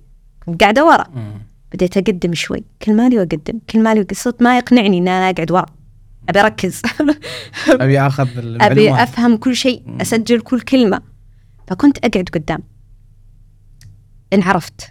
لما انعرفت صار في ثقة متبادلة بيني وبين الدكاترة. آخر تقريبا آه، سنتين دراسة أنا كنت ليدر الله. فكنا يعني أنا ومعاي زميلتي فهي تمسك نص وأنا أمسك نص. يعني بدايه بدايه كبيرة. بداية السنة كنت فاشلة في الدراسة باربع ليدر الدفعة الحين. ما في الان ما شاء الله. كان وكان التحول أعتقد إنه دائما في دائرة التغيير إذا مرت عليك إنه هو فيه التغيير اللي هو المشاعر. و آه، اللي هو أنا الحين نسيت الدائرة حقتها ولكن اللي اللي خلاني أسأل السؤال هذا إنه آه، الطباع أو آه، خلينا نقول إيه الطباع يغير المشاعر. أنت اشتغلتي على الطباع؟ بالضبط. غيرت من من طباعك؟ صرت تنامين بدري صار عندك جدول في المذاكرة فتغير عند عندك المشاعر تجاه هذا التخصص. بالضبط. فصرتي من شخص مغصوب على التخصص إلى إلى شخص محب للتخصص. جدا. آه.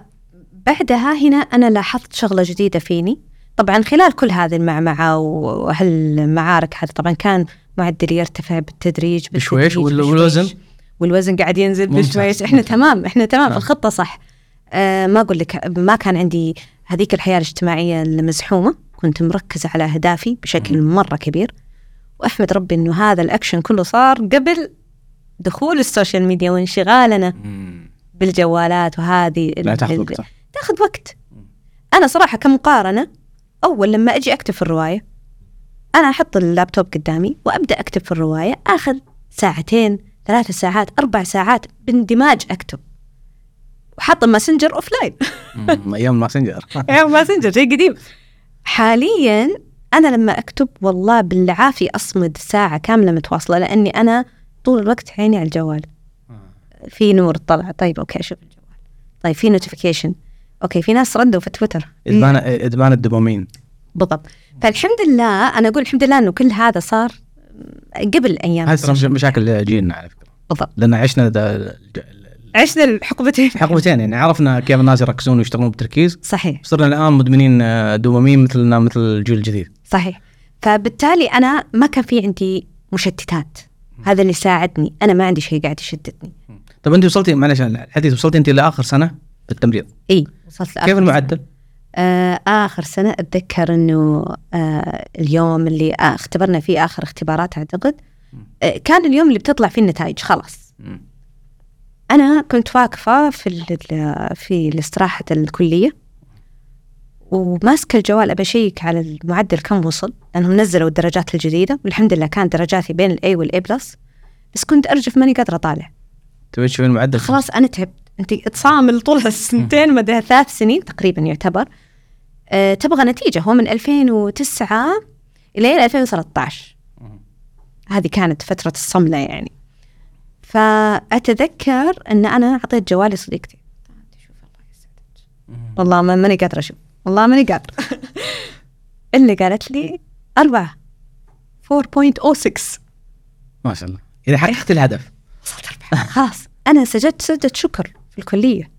ما بكيت يعني ما كان ترى نفس الشعور بالضبط لما شفت في الميزان رقمين. بعد عشرة عمر مع ثلاثة أرقام. من زمان عنكم ها؟ من زمان والله إني ما أتذكر إنه أصلا ما متعودة ميزان ثلاث أرقام هذا الطبيعي يعني. فكون إن أنا شفت ال 99 أنا انهرت. بغيت اصعد الميزان وانزل أصعد الميزان وانزل ومليون صورة صورتها من احتفالي بذاك اليوم. فالشعورين نسوني تعب. كلها صارت في وقت الجامعة. إيه كلها صارت في الجامعة. آه كان طيب معلش بقاطعك. معلش بقاطعك. أنا أبي شعورك لما خلصت الجامعة آه الآن خلصت الجامعة. في تحديات جديدة جاية. أكيد. بس أنت نجحتي في التحديات السابقة. عرفتي قدراتك. آه إنك أنت تقدرين تجتازين الصعوبات. آه هنا كيف كانت المشاعر وكيف اخترتي الخطوة القادمة؟ آه، فهذيك الفترة أتذكر أنه آه، لما كنت في نهاية الدراسة كنت آه، بطبيعة الحال كنا نقدم مثل البرزنتيشنز وهالسوالف هذه كنا نقدم ونشرح قدام الطالبات. فاللهم لك الحمد. أنا هنا اكتشفت فيني جانب جديد أو سكة يعني مثل ما نقول جديدة. أنا عندي قدرة إيصال المعلومة معلومة عفوا. عندي قدرة أن أنا أوصل المعلومة بأقل بطريقة سهلة وبسيطة. طبعا صديقاتي ما شاء الله استفادوا من هذا الموضوع. كنت أجلس وأشرح لهم قبل الاختبار وكذا وكنت أستمتع. لقيت نفسي لا في شيء في شيء فيني يتحرك لما أشرح. فأتذكر آه شكله حب جديد ها؟ اي فيني التدريس آه، حسيت حبيت هالجانب. بنفس الوقت أنا أحب المستشفى وأحب ال patient. طيب أو المرضى يعني أحب أتعامل معاهم. بنفس الوقت أحب التدريس فحسيت إني مشتتة ما بين هنا وهنا. آه لما جاء وقت سنة الامتياز آه أكثر من دكتورة من اللي درسوني كلموني قالوا لي راح تفتح وظائف معيدة في الكلية قدمي. انت تصلحين لهذا المكان. جاني التعليق من أكثر من أحد. جاني هذا مثل ما نقول التوصية من أكثر من شخص.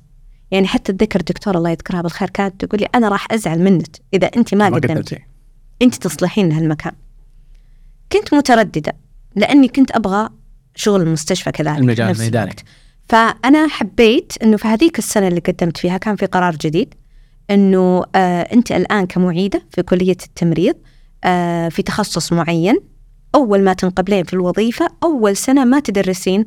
تشتغلين staff nurse أو مثل ما نقول تشتغلين ممرضة. في المستشفى في تخصصك لمدة سنة. يعني تطبيق زي التطبيق إيه، مو تطبيق على قد ما أنه كأنك تشتغلين كأنك خلاص موظفة ممرضة. ليش؟ لأنهم يبون يقللون الفجوة ما بين الخبرة العملية والنظرية. صح.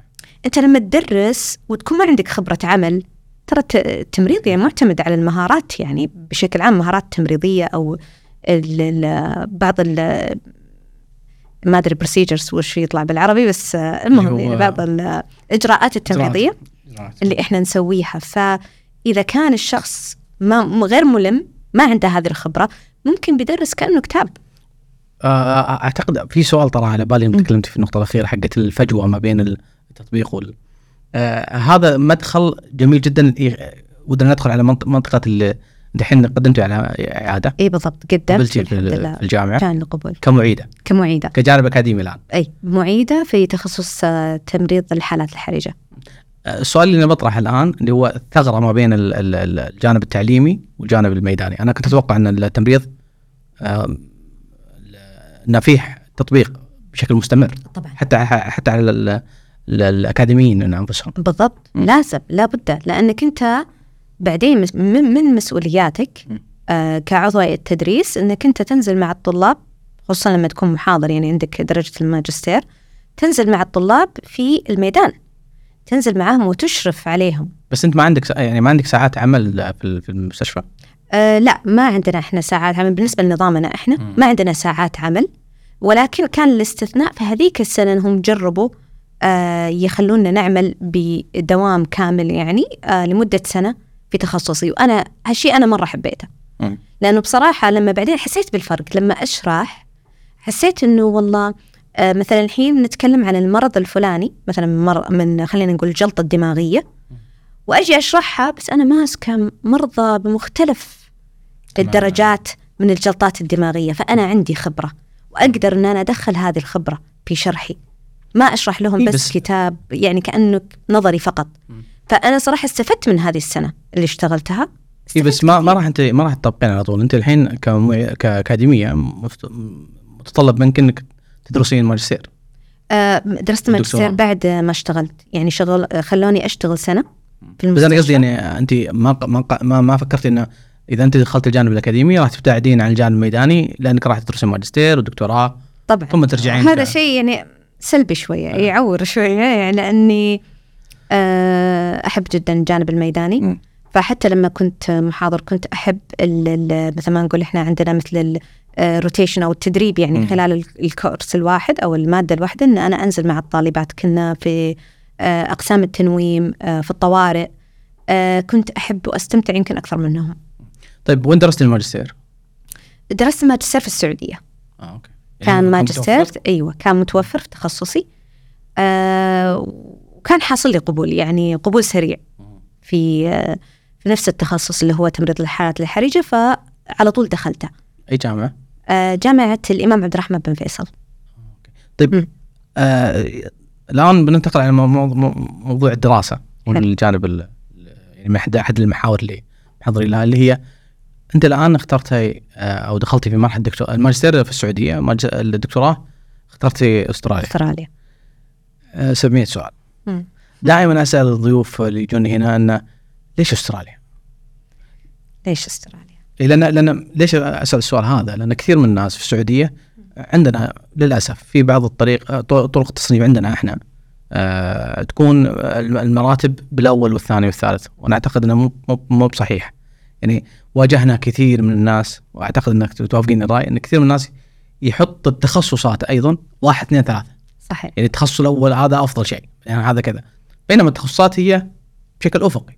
صحيح. على حسب شخصيتك أنت تروح للتخصص. برضو عندنا في الجانب ال- الابتعاث حتى لو إن الجامعات مساوية يعني إن بعض الجامعات الاستراليات ممكن تكون أفضل في التصنيف لكن تلقى مثلا يقول أمريكا. صحيح, صحيح. الجانب الطبي أعتقد إذا ما خا ما ما, ما خاب ظني إنكم آه، كندا مم. هي الجانب ال- أو هي الدولة اللي يروحوا لها دائما التخصصات الطبية مم. فالسؤال دائما ليش أستراليا؟ آه شوف طبعا ال- المضحك في موضوعي إنه أنا آه أستراليا كان قبولي فيها محض صدفة. كانت صدفة وتوفيق من رب العالمين مثل ما قلت كنت حاطت لي دول في بالي آه طبعا مثل ما تقول المعايير مختلفة بين الأشخاص. فأنا صراحة في هذاك الوقت في بداية رحلة البحث عن قبول الدكتوراه آه كنت حاطة أولوية للقرب الجغرافي ما بين السعودية وما بين دولة الابتعاث. آه قرب اللي هو فرق التوقيت. أنت رحت اللي أطول أبعد واحدة بالضبط. أنا خالفت القاعدة يعني بس آه كان بريطانيا. خلاص. إيه، بريطانيا بريطانيا أوكي. أنا أبغى بريطانيا لأنه هي قريبة. فسبحان الله أنا ما بقى جامعة في بريطانيا ما قدمت فيها. بس ما هي مكتوبة. هي ما هي مكتوبة. قدمت يعني في كثير من الجامعات لدرجة إنه حتى في جامعة من الجامعات أتذكر جامعة دندي جاني فيها قبول مبدئي بعدين رفضوني. أنا ما أدري ليش يعني. كانت ما هي ما هي ضابطة. سبحان الله. شوية قلت لا اكتشفت إنه هذا الاستراتيجية غلط. أنا لازم أوسع خياراتي شوي. فأوكي آه، قلت يلا نمشيها أمريكا. يلا ما عليه. أنت ماشيه في طبعاً. الترتيب إي يعني خلاص. بريطانيا ما ضبط نقول أمريكا آه. قدمت في أمريكا كثير في جامعات وبرضو كنت الرفض استراليا ابدا ما كانت في الحسبة إحنا نتكلم. إحنا نتكلم عن أي سنة بالضبط؟ آه إيش يعني أي سنة؟ أي سنة كنت تقدمين؟ آه كنت أقدم آه، خلال سنة 2018 يعني بعد نهاية الماجستير يعني بعد بعد إشكالية آه، كندا إي. وقتها كان في إشكالية كندا اللي أعتقد إن كانت الأمور مضطربة شوي. عشان كذا ما ما دخلت فما. قدمت ما- كندا. okay. إيوه. فلا قدمت مين اللي كان يعني آه، بريطانيا أمريكا. وأمريكا؟ أستراليا ما كنت آه، تعرفين عنها. ابدا ولا أفكر. وش وش طيب ما كنت تعرفين عنها كدولة؟ okay. يعني يعني كنت هذا؟ هذا مضحك. هذا كان أتذكر okay اعرفها إيش لا لا لا, لا كثير من الناس لأن في أكثر من لقاء. صحيح. كثير منهم كانوا يتوقعون إنها مثلا لأن ما نعرف إيه، اي إيه. ما يعرف نتوقع ان أستراليا في في أوروبا مثلا يعني هذا في ناس- كمثال إيه. ما هي بقاره يعني بحد ذاتها يعني فأتذكر إنه كانت محاولات محاولات على الحصول ومثل ما أنت عارف حصول القبول على دكتوراه شوية أصعب من مثلا باقي الدرجات خصوصا التخصصات. الطبيه فأنت عندك مثلا مشروع بحثي وترسله تبحث عن مشرف تبحث عن مشرف يوافق عليك والجامعة توافق عليك إلى الآن أستراليا قصة. في الخيارات ابدا ما كانت في الحسبة إلى أن جاء يوم من الأيام كنت في الدوام وجالسة مع زميلاتي وكذا كل واحدة تتكلم عن تجربتها. والله أنا قدمت في الجامعة الفلانية. فسمعتهم كذا كلام إنه قالوا لي آه، طيب ما تفكرين تقدمين على أستراليا؟ عرفت اللي أنا أول تفكير جاء في بالي إيش أعرف عن أستراليا؟ أنا ما أعرف إلا معلومتين. أيوه. هم عندهم الكانجرو الكناغر عندهم وإنهم في آخر العالم ما حد يعرفهم ما حد يدري عنهم أصلا. هم كذا هذه الكرة الأرضية هم هم تحت. يعني بس لحالهم معزولين. هم لحالهم. مم. استراليا سويت search. عرفت اللي تشوف search مسافة طيران؟ مسافة طيران من هنا. والله 14 ساعة. 14 ساعة طيران. طيب. أو أكثر من ربع ساعة. بس إنها 14 ساعة هذه اللي دبي من آه، دبي آه، سيدني. ف أوكي طيب التوقيت. نشوف يمكن يمكن. لا وين؟ فرق التوقيت تماماً. قاعد تتكلم ثمانية ساعات فرق حتى توقيت اختلاف ال- الأجواء يعني واختلاف الأجواء. الآن دخلنا صيف السعودية دخل الشتاء. بالضبط. آه. هنا عندنا صيف يبدأ عندهم شتاء والعكس. يا ويلي لا هذه مرة بعيدة بس بس عرفت كنت واصله لمرحلة يأس إنه أنا ماني محصلة قبول. طيب. وأنا قاعدة. فتحت اللابتوب. أجريت بحث اللي هو عن الجامعات المعتمدة آه، أو المعترف فيها من قبل وزارة التعليم. ظهر لي في بدايات البحث جامعة نيوكاسل. في مدينة نيوكاسل الأسترالية. طيب okay دخلت عليها. أول اسم مشرف شفته في التمريض كان الله يذكره بالخير الدكتور محمد القضاء أردني. لفت نظري الاسم. إنه عربي. لا الاسم عربي. مم. فشفت تخصصه واهتماماته البحثية متناسبة مع مشروعي البحثي. okay نفس الإيميل اللي أنا راسلته حق كل الجامعات رسلته قفلت اللابتوب. كأنه هذه يعني صراحة ما كان عندي شعور. محاولة يأس. محاولة يأس. والله كنت أخذ break ي و... بس قدمنا. أم... كنت أقول إن ضبطت كان بها ما ضبطت ببقى أحاول بس أنت ما تعرفين أي أحد في أستراليا قبل؟ في وقتها ما كنت أعرف. لما بديت أسأل اكتشفت في ترى في من زميلاتي اللي آه اللي سبقوني بالخبرة واللي سبقوني. ترى في تقريبا اثنين أو ثلاثة بس ما هم كثير زي بريطانيا وأمريكا. ترى هم كانوا قليل مرة. ترى إحنا حق أستراليا ترى ما ما يعني ما لاحظت هذا الجانب فينا. ما عندنا آه، خلينا نقول شوفة النفس مو شوفة النفس خلينا نقول يعني المفاخرة دائما يعني خريجين أمريكا. ممازحه خريجين أمريكا بريطانيا. اول ما يفتح يفتح حديثه لما كنت في لما أمريكا. كنت في أمريكا.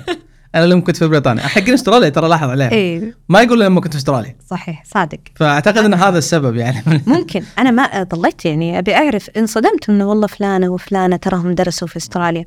فمدحوا لي كمدينة. بديت أنا وقتها أبحث أكثر عاد.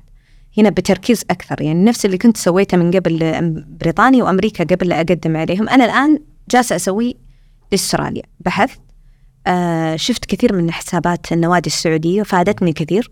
النادي السعودي في مدينة نيوكاسل. آه كنت وقتها متابعة والى صرت عضوة من النادي يعني. فتواصلت معاهم استفدت من خبراتهم. شفت حتى قنوات في اليوتيوب الناس عايشين في استراليا. حسيت إنه ما أدري سبحان الله حسيت في راحة. حسيت إنها إيوه كبلد أنا أقدر أعيش فيها. حسيت طبعا كان من أكثر الأشياء اللي أنا بحثت عنها توفر السكن إيه بس جاء معلش المقاطعه جاء رد من الدكتور نفسه كنت وقتها أنتظر آه تنتظرين فكنت وقتها فكنت ابحث يعني الفايب بشكل عام مريح طيب شنو معلش السؤال هذا السؤال دائما أحب أسأله لأنه دائما إجاباته جميلة. وش أول معلومات اللي عرفتيها عن أستراليا؟ أتكلم من ناحية اجتماعية. آه شعبهم لطيف. آه. هذه أول معلومة أنا يعني آه قريتها أو سمعتها آه إنه شعبهم جدا لطيف. آه وأتكلم بالأخص عن شعب ولاية نيو ساوث ويلز آه إنه هم آه يعتبرون آه يعني الألطف من بين الولايات تقريبا. في عندهم تقبل لجميع المذاهب الأديان الثقافات. فيهم هذا التعدد العرقي اللي موجود في البلد يخدم لأنه هذه من توجهاتهم أنهم يكونون منفتحين لجميع الثقافات. فهالشيء حسيته مريح جدا يعني كمعلومات أولية أخذتها عن المكان. عن مدينة نيوكاسل بالتحديد أنه هي مدينة أساسا هي ساحلية.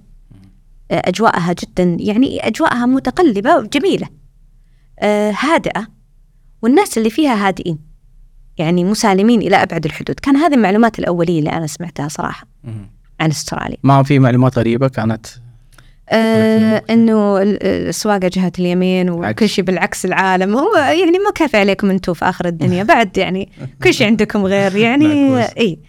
آه غالية. هذه سمعتها كثير. المعيشة فيها مكلفة. مكلفة. ولنا في كوفيد 19 يعني آه مواقف وعبرة. يعني بعد هذا زادت الوضع سوء صراحة. فأخذت هذه المعلومات الأولية ارتحت. سبحان الله يوم يومين ثلاثة وصلني الرد. كان من الدكتور محمد كان جدا مهتم بهذا البحث وسأبقى ممتنة لهذا الرجل صراحة. كان دعمه غير يعني غير موضوع الدعم الأكاديمي كان في دعم نفسي واجتماعي لكونه من نفس مجتمعاتنا من هو أساسا اشتغل فترة أعتقد في السعودية وكذا.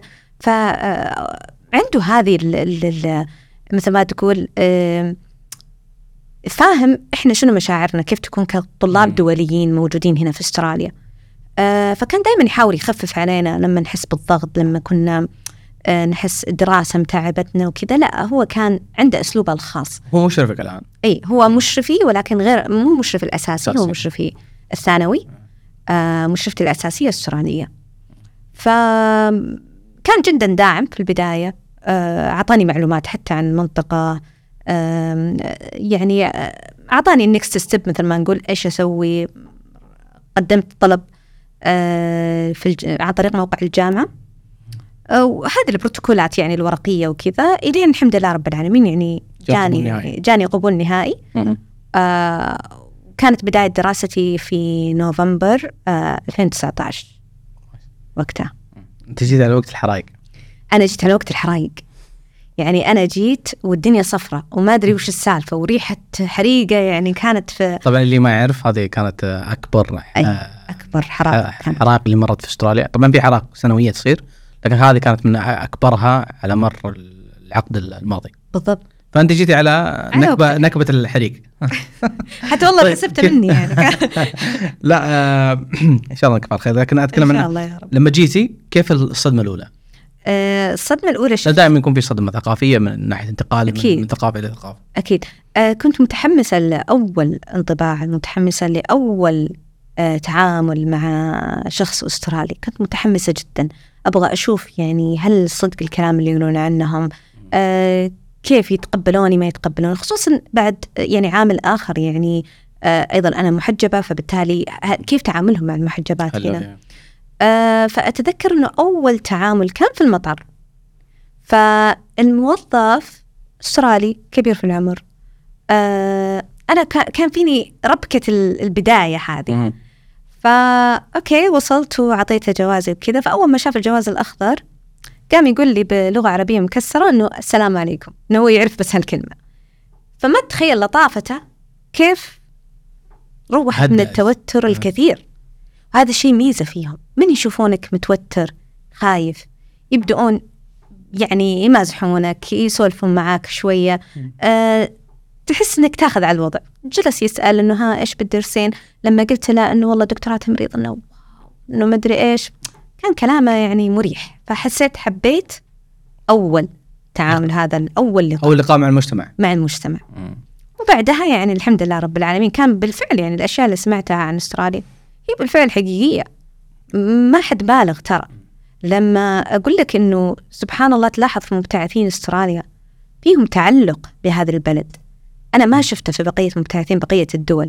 فيهم تعلق للمجتمع الأسترالي للحياة في أستراليا لأنه آه، فيها هذه ال- التفاهم فيها الأريحية فيها يعني كل هذه الأشياء ممكن تخليك إنك أنت تاخذ تجربة ابتعاث ممتعة ومفيدة في نفس الوقت. وياه هذا أعتقد يجرني على سؤال في بالي اللي هو آه، أنت جربتي الدراسة في السعودية؟ آه، بكالوريو- بكالوريوس ال- ال- الماجستير؟ والآن قاعد تجربين تجربه التعليم في أستراليا. وأعتقد إنك جربتي آه، التطبيق في السعودية وتطبيق في أستراليا. استراليا- أستراليا لا ما عندنا. آه، دكتوراه بالنسبة لنا إنه ابحاث إيه بحث لاني كنت بسأل عن عن ال- ال- الفرق. الفرق. في, في بين السعودية وأستراليا. امم شوف آه صراحة بالنسبة لي ممكن أشوف الفرق اللي واضح جدا. ألا وهو ال ال ال خلينا نقول آه خدمات الداعمة أو ال support يعني services يعني الخدمات الداعمة للطلاب آه اللي موجودين في الجامعة في في خدمات موجودة هنا أتمنى لو إني أشوفها بوضوح في الجامعات السعودية. كمثال الدعم النفسي هي طيب. نفسية في الجامعة صح؟ إيوه الحين أنت عندك هذه لما تتكلم عن الدعم النفسي ترى فيها يعني مثل ما تقول أقسام وفيها يعني مو بس والله أنا بس أبغى أتكلم مع أحد و... لا لا موضوع أكبر من كذا. يعني مثال آه في جامعة نيوكاسل في وقت كورونا أوكي وقت أزمة كورونا كطلاب دوليين كنا الأكثر تضررا نفسيا من الموضوع لأن الحدود كانت مسكرة علينا. إحنا كنا موجودين وخايفين نطلع لأنه خايفين على الدراسة تتأثر فكانت النفسية سيئة جدا. وللي ما يعرف أستراليا قفلت حدودها سنتين. سنتين. سنتين بالضبط. سنتين بدون آه، السماح لدخول أي أحد من برا. ما عدا تقدر الموضوع. تطلع بس ما أيوة. تقدر ترجع. بالضبط. كنا نقدر نطلع بس ما- أنت لما تطلع كان الكلام صريح من الجامعة. ترى ما نضمن لكم دراستكم تستمر. صح. أنتم بتطلعون الله يسهل لكم. بس ترى ما ترجعون أستراليا الحين. ولا ندري متى راح ترجعون. ممكن ما نفتح الحدود إلا في نهاية الأزمة. فما كان الوضع ضبابي لأنه ما في وقت. في ما يدرون يعني. ما ما ندري. يعني وإن نروح مع رحلات الإجلاء كانت يعني بصراحة من ال يعني راح نبقى ممتنين للأشياء اللي تقدمت لنا كان من السفارة من الملحقية خلال هذه الفترة. كان في آه، دعم يعني إن كان من رحلات الإجلاء إن كان من الاتصالات اللي كانوا يطمنون فيها علينا. فعودة إلى جامعة نيوكاسل أتذكر أن وقتها حطوا في شغلة عندنا اسمها ال hotline للدعم النفسي. أنت فيك اللي فيك مضايق تعبان 24 ساعة ارفع سماعة على هالرقم وتكلم مع أخصائي نفسي. يتكلم معاك شخص متخصص. شخص متخصص. زين أشخاص أساسا ماسكين الرقم هذا أشخاص يشتغلون في الجامعة. فأنت تتكلم على رقم شغال 24 ساعة. دعم نفسي بس للناس اللي حسوا بهذا ال stress خلال جائحة كورونا. طبعا الخدمة هذه موجودة إلى الآن موجودة اسمها Let's Talk وإنك بس تتصل في أي وقت وتاخذ استشارة. طيب تبي تاخذ face to face الموقع وتاخذ مو- موعد آه، وتروح إلى الجامعة وتجلس مع أخصائي نفسي وتتكلم.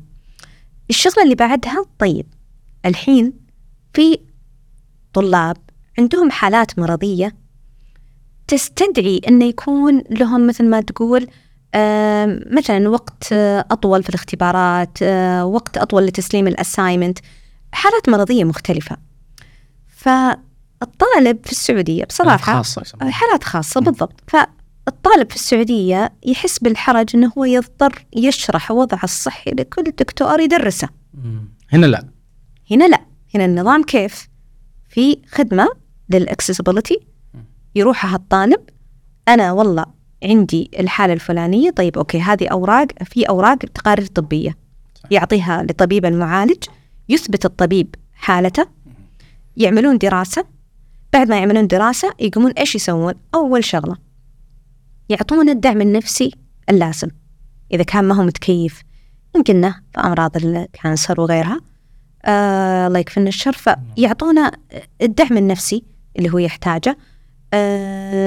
يوصلونا إذا كان في أي supporting group مثلا مجموعة طلاب عندهم نفس الحالة هذه ممكن هو يجلس معهم إذا حب إذا. يبغى. النقطة اللي بعدها يعطونا form رسمية آه اسمها آه reasonable adjustment plan. إنه أنت إيش تحتاج؟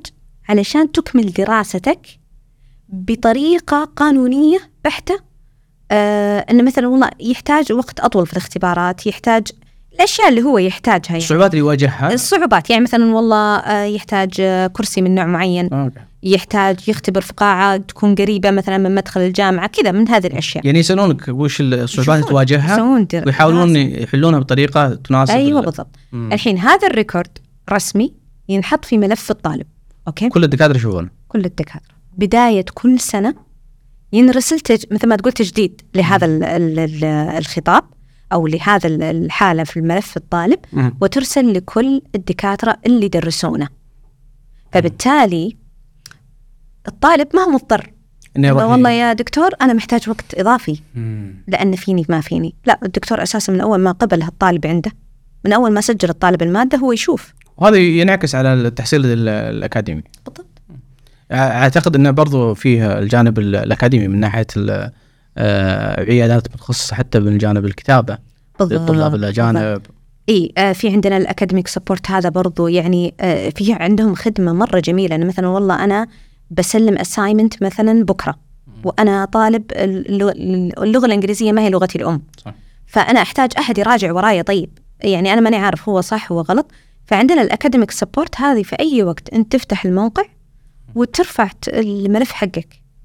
بعد كذا بو يعني ياخذون وقت قليل ترى يعني خلال اليوم ممكن يجيك الرد إذا كان خلال أوقات العمل. يجيك الرد إنه نصائح كيف تطور كتابتك. هذه الجملة تحتاج أنت تغيرها هم ما يعطونك الحل ترى. وهذا الشيء بس يوجهك. جايد يعني مثلا يعطيك التوجيه. فخلينا نقول ال- ال- الشيء ال- آه، الفرق الأساسي إن الجانب الأكاديمي هنا في أستراليا فيه آه، عيادات متخصصه نفسية أكاديمية. لدعم الطالب. هذا أي. إلى الآن ما وصلنا له في السعودية. يعني قاعد بشكل عام هذا في التعليم. بش... في إيه التعليم إيه. يعني أتمنى إن إحنا نشوفها صراحة في الجامعات السعودية لأنه هو راح يشكل فرق إحنا نعول عليكم كثير إنه أنتم إن شاء الله نتمنى. أعضاء هيئه تدريس إن شاء ترجعوا لنا الله السعودية إن شاء الله. نحاول نقدر نغير ال- نضيف هذه الأشياء في ال- في الجانب الأكاديمي. إن طيب من ناحيه من ناحية التخصص نفسه آه، التمريض في أستراليا والتمريض في السعودية إيش. إيش إيش الفروقات آه، بين. الدولتين؟ آه عشان أكون منصفة. أنا الشيء اللي لاحظته لما أشوف المخرجات مثلا أو مثل ما تقول آه خريجين هذا التخصص هنا في أستراليا أشوف أن خريجينا في السعودية يتفوقون بمراحل على خريجين أستراليا في تخصص التمريض. أنا هالشيء لاحظته لما رحت عندهم المستشفيات هنا لما تعاملت مع خريجين تخصص التمريض. لكوني درست فأدقق في أشياء أدقق فيها. وأعرف يعني مثلا أيام التدريس الله يذكر هذيك الأيام بالخير أحن لها هذه الأيام. أيام التدريس أتذكر أن أنا من أول ما تمسك الطالبة عندي إبرة بيدها أعرف هذه تكون ممرضة يعني يشد فيها الظهر ولا تحتاج إلى تدريب زيادة ولا أعرف إيش مثلا نقاط الضعف عندها إيش الأشياء اللي ما بسميها نقاط ضعف؟ آه يعني أنت جاية من عين. عين المدرب أو عين ال- بالضبط. عشان. كذا أنا لما أروح المستشفى ترى ما أقول إنه أنا لأنه أنا خلاص بدقت أدقق. والتشيك ليست حقك. تشيك ليست حق لي وكذا والله أنتم ما تعلمتوا والله يعني كذا. هذا إحساس التدريس فحسيت إن ما تقدر. الطاقم الطبي في السعودية آه، تمريضي. آه، الطاقم التمريضي قصدي. أيوه في السعودية. آه، أنا أفضل بالنسبة لي كمخرجات. كمخرجات. آه. ليش؟ لأن عندنا آه، تدريب مكثف في كل آه، كورس يدرسون الطالبات أو الطلاب. آه، يعني عندنا للطلاب آه، مثلا عندك تدريب عملي على مانيكان اللي هو على دمى. دواء زين هذا التدريب مكثف وهذه الدمى ذكية. يعني تقدر تسحب دم تقدر تسوي كل الشغل اللي ممكن تسويه. ففي تدريب بد... بداية على هذه الدمى. بعدها تنزل في الميدان وتحت إشراف وتسوي نفس الشغل. أنت خلاص أنت تسوي كل شيء. طيب؟ مم. تحت إشراف آه، عضو هيئة التدريس اللي موجود معك. جميل؟ فبالتالي سنة عن سنة أنت هالشيء تسويه من من أنت تدخل سنة ثانية تمريض. جميل. تطبيق الجانب مم. التطبيق. سنة ثانية تدرس في في المعامل وتدرس في المستشفى. الان كنا نتكلم عن كطاقم كمخرجات السعو- السعوديه ك اللهم لك الحمد. إحنا السعوديين ترى مبدعين في تخصصات كثيرة. الحمد لله. فلا خلينا نتكلم طيب عن الجانب اللي هو المستشفيات نفسها. المستشفيات؟ إيه، برضو اللي هو ال- المستشفيات أنا السعودية أفضل؟ كنت أتخيل شيء وشفت شيء آخر. عرفت الفكرة السائدة عندنا أن المستشفيات آه، في أوروبا وفي هذه الدول المتقدمة هي أفضل مننا بمراحل. عرفت هذه الفكرة السائدة؟ والله بتعالج برا وإلى آخره من الكلام آه، جيت هنا انصدمت. أنا انصدمت. يعني أنا مريت بظروف صحية أجبرتني أن أنا أروح المستشفى لأكثر من مرة. ف يعني okay أنا مثل ما تقول عين على التعب وعين على ال system حواليني. فقاعدة أشوف آه، مثلا الطاقم كنظام- التمريض كنظام. كنظام الله. أشوف آه، لا لا بصراحة مرة يعني مرة نتفوق عليهم بمراحل. أنت قاعد تتكلم حتى الطوارئ عندهم. الطوارئ عندهم كان آه، يعني أتذكر حالة كانت غريبة جدا. يعني كان آه، شخص في الإسعاف في الإسعاف يعني في, شدة الألم. إحنا عندنا في السعودية على طول تركب له مغذي وتمشينا مغذي على هذيك الدرجة من الألم تركب له مغذي. هنا لا والله كان هو في سيارة الإسعاف وأعطوه حبتين بنادول في يده. وهو بالعافية يمسك الحبتين بيده. طيب لا يختنق. طيب الرجال ما هو عارف يبلع. حبتين بنادول. يلا بلعهم بلعهم لما نوصل. لما نوصل يصير خير. وهذه هذه مشكلة في الن- في النظام أو في في الطاقم نفسه. آه، أتوقع في النظام. يعني ترى عندهم بروتوكولات معينة مختلفة عننا تماما. يعني مثلا حتى ال- ال- الإجراءات التمريضية عندنا في السعودية هي أوسع وأكثر آه، مثل ما نقول تعددا من هنا في أستراليا. يعني مثلا أنا آه، كنت محتاجة تركيب مغذي جابوا لي دكتور كبرى. ليش التمريض عندهم ما يعمل تركيب مغذي؟ ما هذه الوصلة الكانيولا ما يوصلها آه، ممرض. استغربت. يعني يقولون إحنا ما إحنا متدربين عليهم كفاية. في سحب الدم مأساة. مأساة. هذا يعني أنا قاعد أتكلم عن أساسيات في التمريض. يعني هذه بديهيات طلاب, طلاب سنة ثالثة عندنا ما شاء الله. مبدعين. مبدعين ما شاء الله. فانصدمت هنا يجي لك يعني ممرض صار له سنين يقول لك أنا ما أعرف ما. وأنا ما أتجرأ وأنا ما أدري إيش آه طيب في شغلة ثانية من ناحية الحين طاقم آه إحنا أفضل أعتقد آه في جانب آخر برضو في المستشفيات آه أو في القطاع الصحي اللي هو أعتقد الجانب الإداري. آه أعتقد إن الموضوع هنا الموازنة مختلفة هل وجهه نظرك. الإداري آه، أو الاداره الصحية هنا أفضل أو في السعودية؟ والله شوف أنا ما أقدر أعطيك وجهة نظر عميقة كفاية لأنه أنا ما اشتغلت. لا بشكل عام. اقصد بس بشكل عام من آه لما أشوف المنظور يعني كذا مثلا لو بتكلم عن قسم واحد اللي هو قسم الطوارئ آه إدارة قسم الطوارئ بصراحة أحس عندهم هنا تحتاج إلى تحتاج إلى شغل كبير يعني آه في إن كان من آه وقت الانتظار للمرضى. طويل. جدا طويل. يعني عادي جدا طبيعي جدا إنك تجي من الساعة مثلا 11 الصبح ما تدخل إلا 8 في الليل ولا 9 في الليل جدا عادي طبيعي الحياة سعيدة. ومشكلة إن هم لطيفين جدا لدرجة اللي وقت تعبك يصيرون يستفزونك. إن أنت تعبان وإن يعني عادي it's okay وانه أصبر و... موضوع بسيط. أنا. أتذكر لما آه، 2021 إنك، آه، كسرت رجلي. رحت المستشفى؟ أيوه. فقعدت تقريبا ساعة أطلب من الممرض يعطيني مسكن. بالضبط. قال لي قال لي لا. قال لي ما نقدر نعطيك مسكن إلا لما نسوي إشاعة. أنا ما أدري إيش دخلها ببعض اي رجلي مكسورة دخل مسكن؟ ما أدري. فقعدت ساعة إلى ما دخلون الاشعه بعد الاشعه أعطوني مسكن. وقعدت في الانتظار تقريبا الحين رجلي مكسورة ومفك... وعندي فك في القدم. قعدت تقريبا ثلاث ساعات.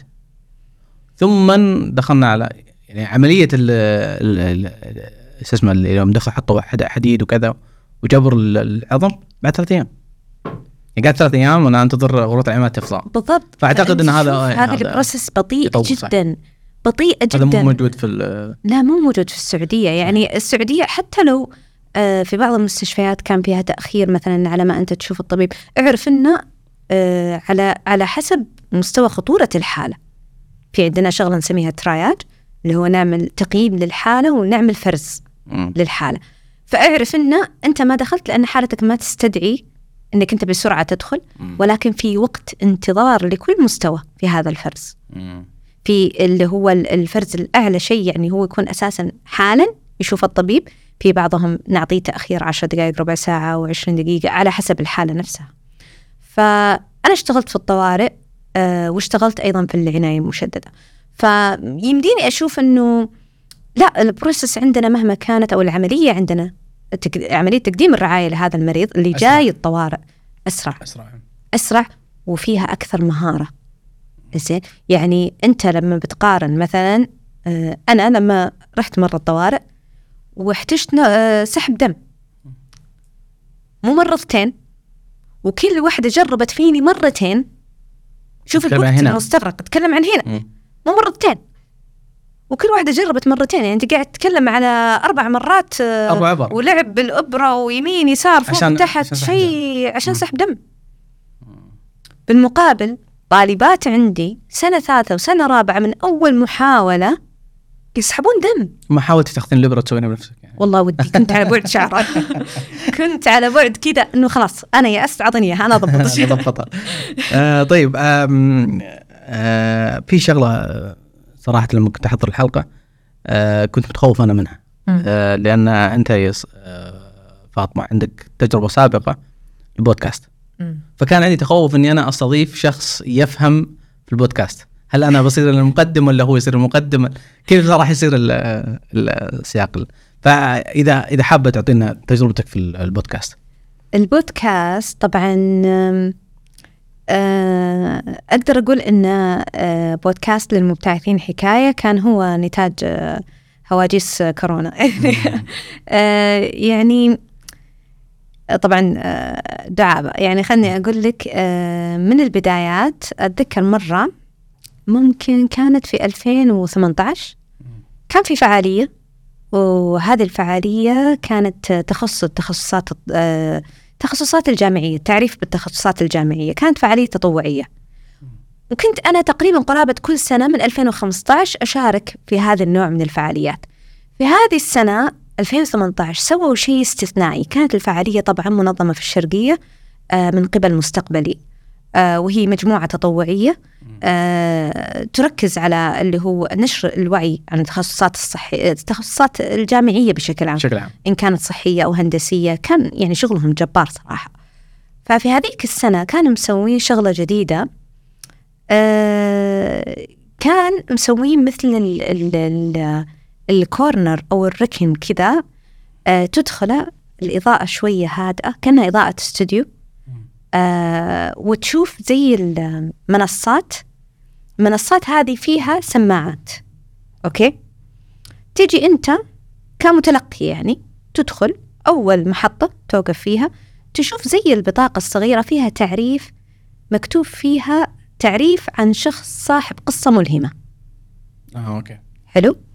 فيحكيها الملهم بصوته أيوة مسجل ترفع السماعة حركة ذكيه مهم. تلبسها تسمع قصته تحط بيه وتسمع قصته في أجواء مم. كانت جدا جميلة وتسمع قصة هذا الشخص اللي اللي مكتوب التعريف معلومات مم. عنه وكذا فكلموني وقالوا لي إحنا سمعنا عندك قصة ملهمة كانت قصة اللي هي نزول الوزن ورفع المعدل و... آه اللي تكلمنا عنها اللي. تكلمت. عنها من شوية فكان يبغوني أقول هذه القصة إنه أنا أكتب الكلام وأسجل يعني كانوا معطيني موعد في الاستوديو آه وإن هي راح تعرض في هذا ال- ال booth أو هذا ال corner. كانت هذه أول تجربة قدام أول المايك. تجربة قدام مايك. أها. فأتذكر إنه أنا كتبت ال- ال- القصة آه بطريقة حاولت أخلي فيها كذا تشويق وحركات. وهي أساسا بيكون ال background يعني آه موسيقى. في خلفية آه، إيه صوتية وانت جاية من. خلفية روائية. أيوه فأنا حبيت هذا الجو يعني. سهل آه، عليك المهمة. بالضبط. فلما رحت الاستوديو ودخلت عرفت غرفة التسجيل والمايك كذا قدامي هنا جاني شعور مختلف. هنا كأنه في سكة جديدة أنا اكتشفتها. أنا حبيت الوقفة قدام المايك. جميل. حبيت استخدامي لصوتي. حبيت إنه أنا كيف صوتي ممكن يكون أيضا قناة لتوصيل مشاعر مختلفة. زي ما كانت الكتابة لي قناه في توصيل مشاعري. واعتقد إنه قالب. واحد فاطمة لأنه هو القالب نفسه هو قالب آه، حكاية القصص. بالضبط اللي هذا هو إيه. فحكاية القصص آه، يختلف آه، المهارة اللي تستخدمين فيها. أحيانا كذا لما تكلمنا عن مهارة ولا أداة. أيوه. لأن هي المهارة حكاية القصة نفسها والأداة أما تكون كتابية بالضبط. أو تكون صوتية. بالضبط. آه، فأنا اكتشفت أداة جديدة.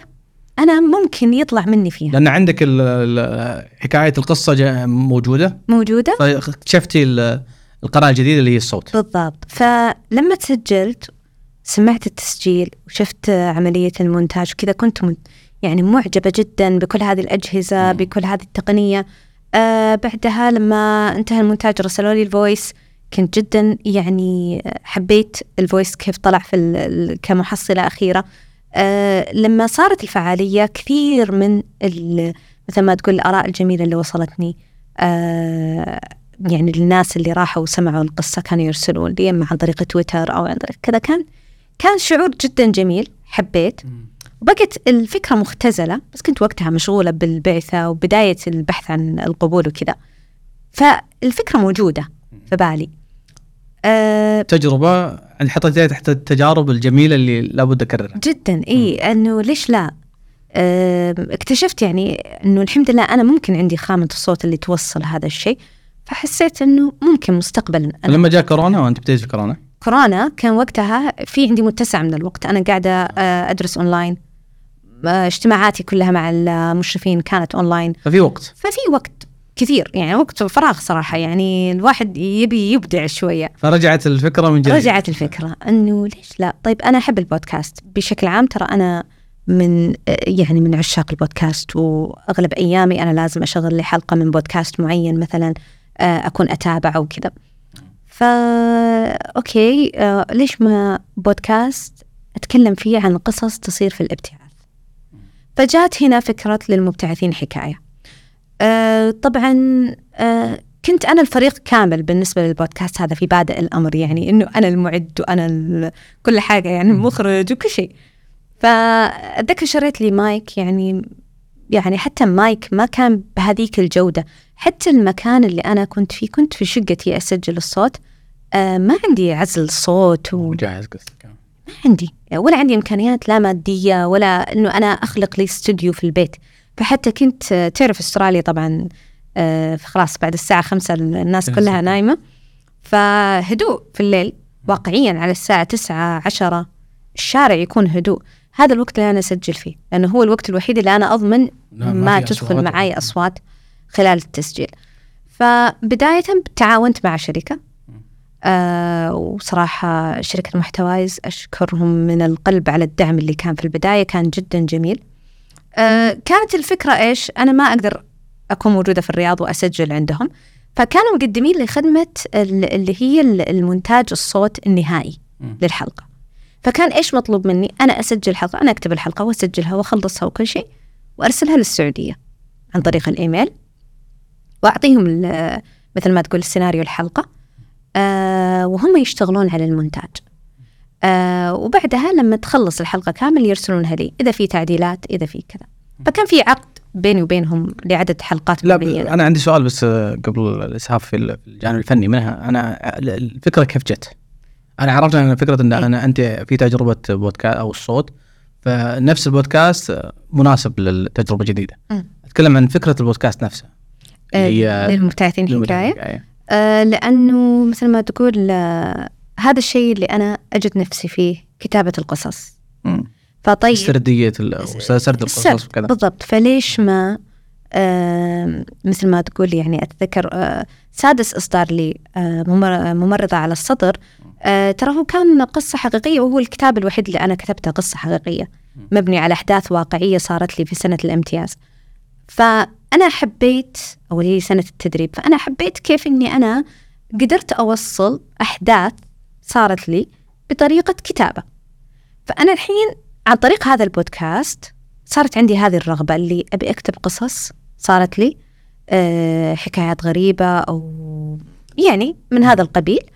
وأكتبها كأنها بس هل هي قصص. لك أنت ولا بس يعني قصص مبتعثين انت آخرين؟ أه هو في بعض الحلقات أه كنت أتكلم فيها عني أنا مم. وعن بعض الأشياء اللي صارت لي آم، في بعض الحلقات استضفت فيها آم، بعض المبتعثين آم، يعني لهدف آه، حكاية قصتهم هم بالضبط تجربتهم يعني أو أحداث معينة يعني مثلا كمثال كان عندنا حلقة نتكلم فيها عن الحنين للوطن.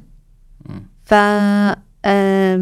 استضفت آه، آه، إحدى المبتعثات آه، أستاذة هيفاء مبروك. فكانت أو الدكتورة عفوا هيفاء مبروك كانت تتكلم عن تجربتها في مع الهوم سكنس أول ما جت أستراليا. مم. طيب حلقة أخرى كنت أتكلم فيها على التواصل بيننا وبين الأهل. فاستضفت الأستاذ أمير الصالح أنه هو كان مبتعث في التسعينات. في التسعينات كان مبتعث. فهو يتكلم عن كيف كان التواصل كيف كان يسجلون الكاسيت. معلش منو اللي ضيف كان؟ آه أمير الصالح. أمير الصالح. أيوه. آه كانوا يتكلمون على آه كيف كانوا يسجلون أخبارهم كاسيت. الكاسيت الأيام الكاسيت. ويرسلونه بالبريد. يوصل بعد شهر. ويواصل بعد شهر. والناس تسجل كاسيت. إحنا كانت أختي يعني بعد في التسعينات كانت برا. فكان هذا هذا ال- الجو هذا موجود. هذا الجو نسجل وكذا ونرسل لها فكيف إنه الأخبار حتى الحزينة منها والسعيدة منها توصلك متأخر؟ متأخر. طيب أنت صورتي نتكلم عن هذا الجانب. إيه. أيوه. أنت صورتي ثمان تسع حلقات تقريبا. تس... سجلت يعني ما كان في تصوير كانت آه، تسجيل. تسجيل صوتي. تقريبا تسع حلقات. عشرة أعتقد عشرة. بعدين توقف البودكاست. إيش السبب؟ أه توقف لأكثر من سبب؟ إي ميلي في البداية كان فني. طبعا أه، في فترة ل- ل- الشركة اللي كنت أشتغل معاها واللي كانت تعمل المونتاج غيرت استراتيجية العمل. فكان في استراتيجية جديدة ألا وهي أن إحنا نوفر لكم أدوات أه، مونتاج الصوت بالذكاء الاصطناعي. طيب؟ يعني خلاص ما عاد في منتج يشتغل لكم لا هذا البرنامج وهذا ال يعني الاشتراك حقكم وكذا. آه ارفعوا فيه الأصوات وإنه هو سهل. و-. كان اي برنامج مم. Podcastle. ف okay آم، قلت okay خليني أجرب. خلاص يعني م- ما عندي الإمكانيات صراحة المادية اللي تخليني آه أوظف معاي team أو فريق عمل.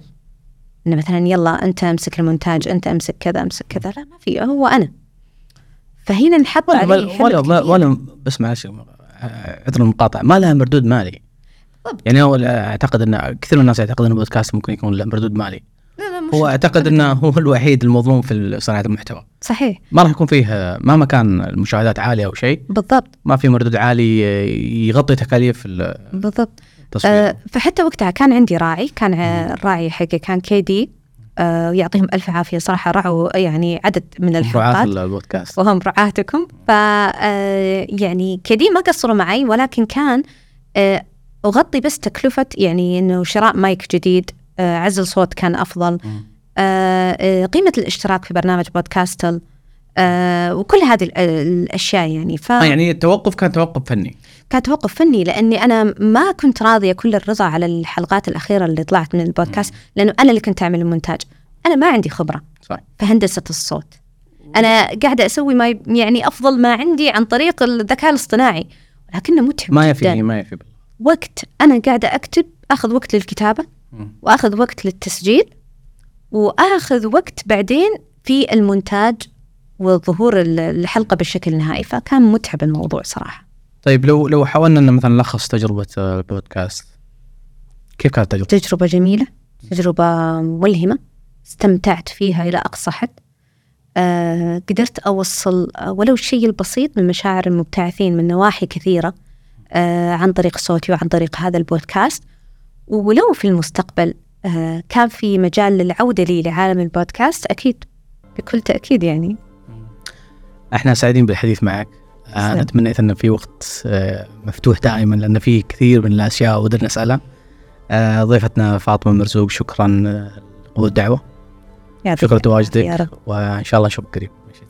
إن شاء الله. شكرا يعطيكم العافية. كان لي الشرف وجودي وياكم وإن شاء الله كنت ضيفة خفيفة. الله لطيفة عليكم. لا كان لقاء جميل جدا. ما حسينا بالوقت. الله يعطيك العافية. شكرا. رب.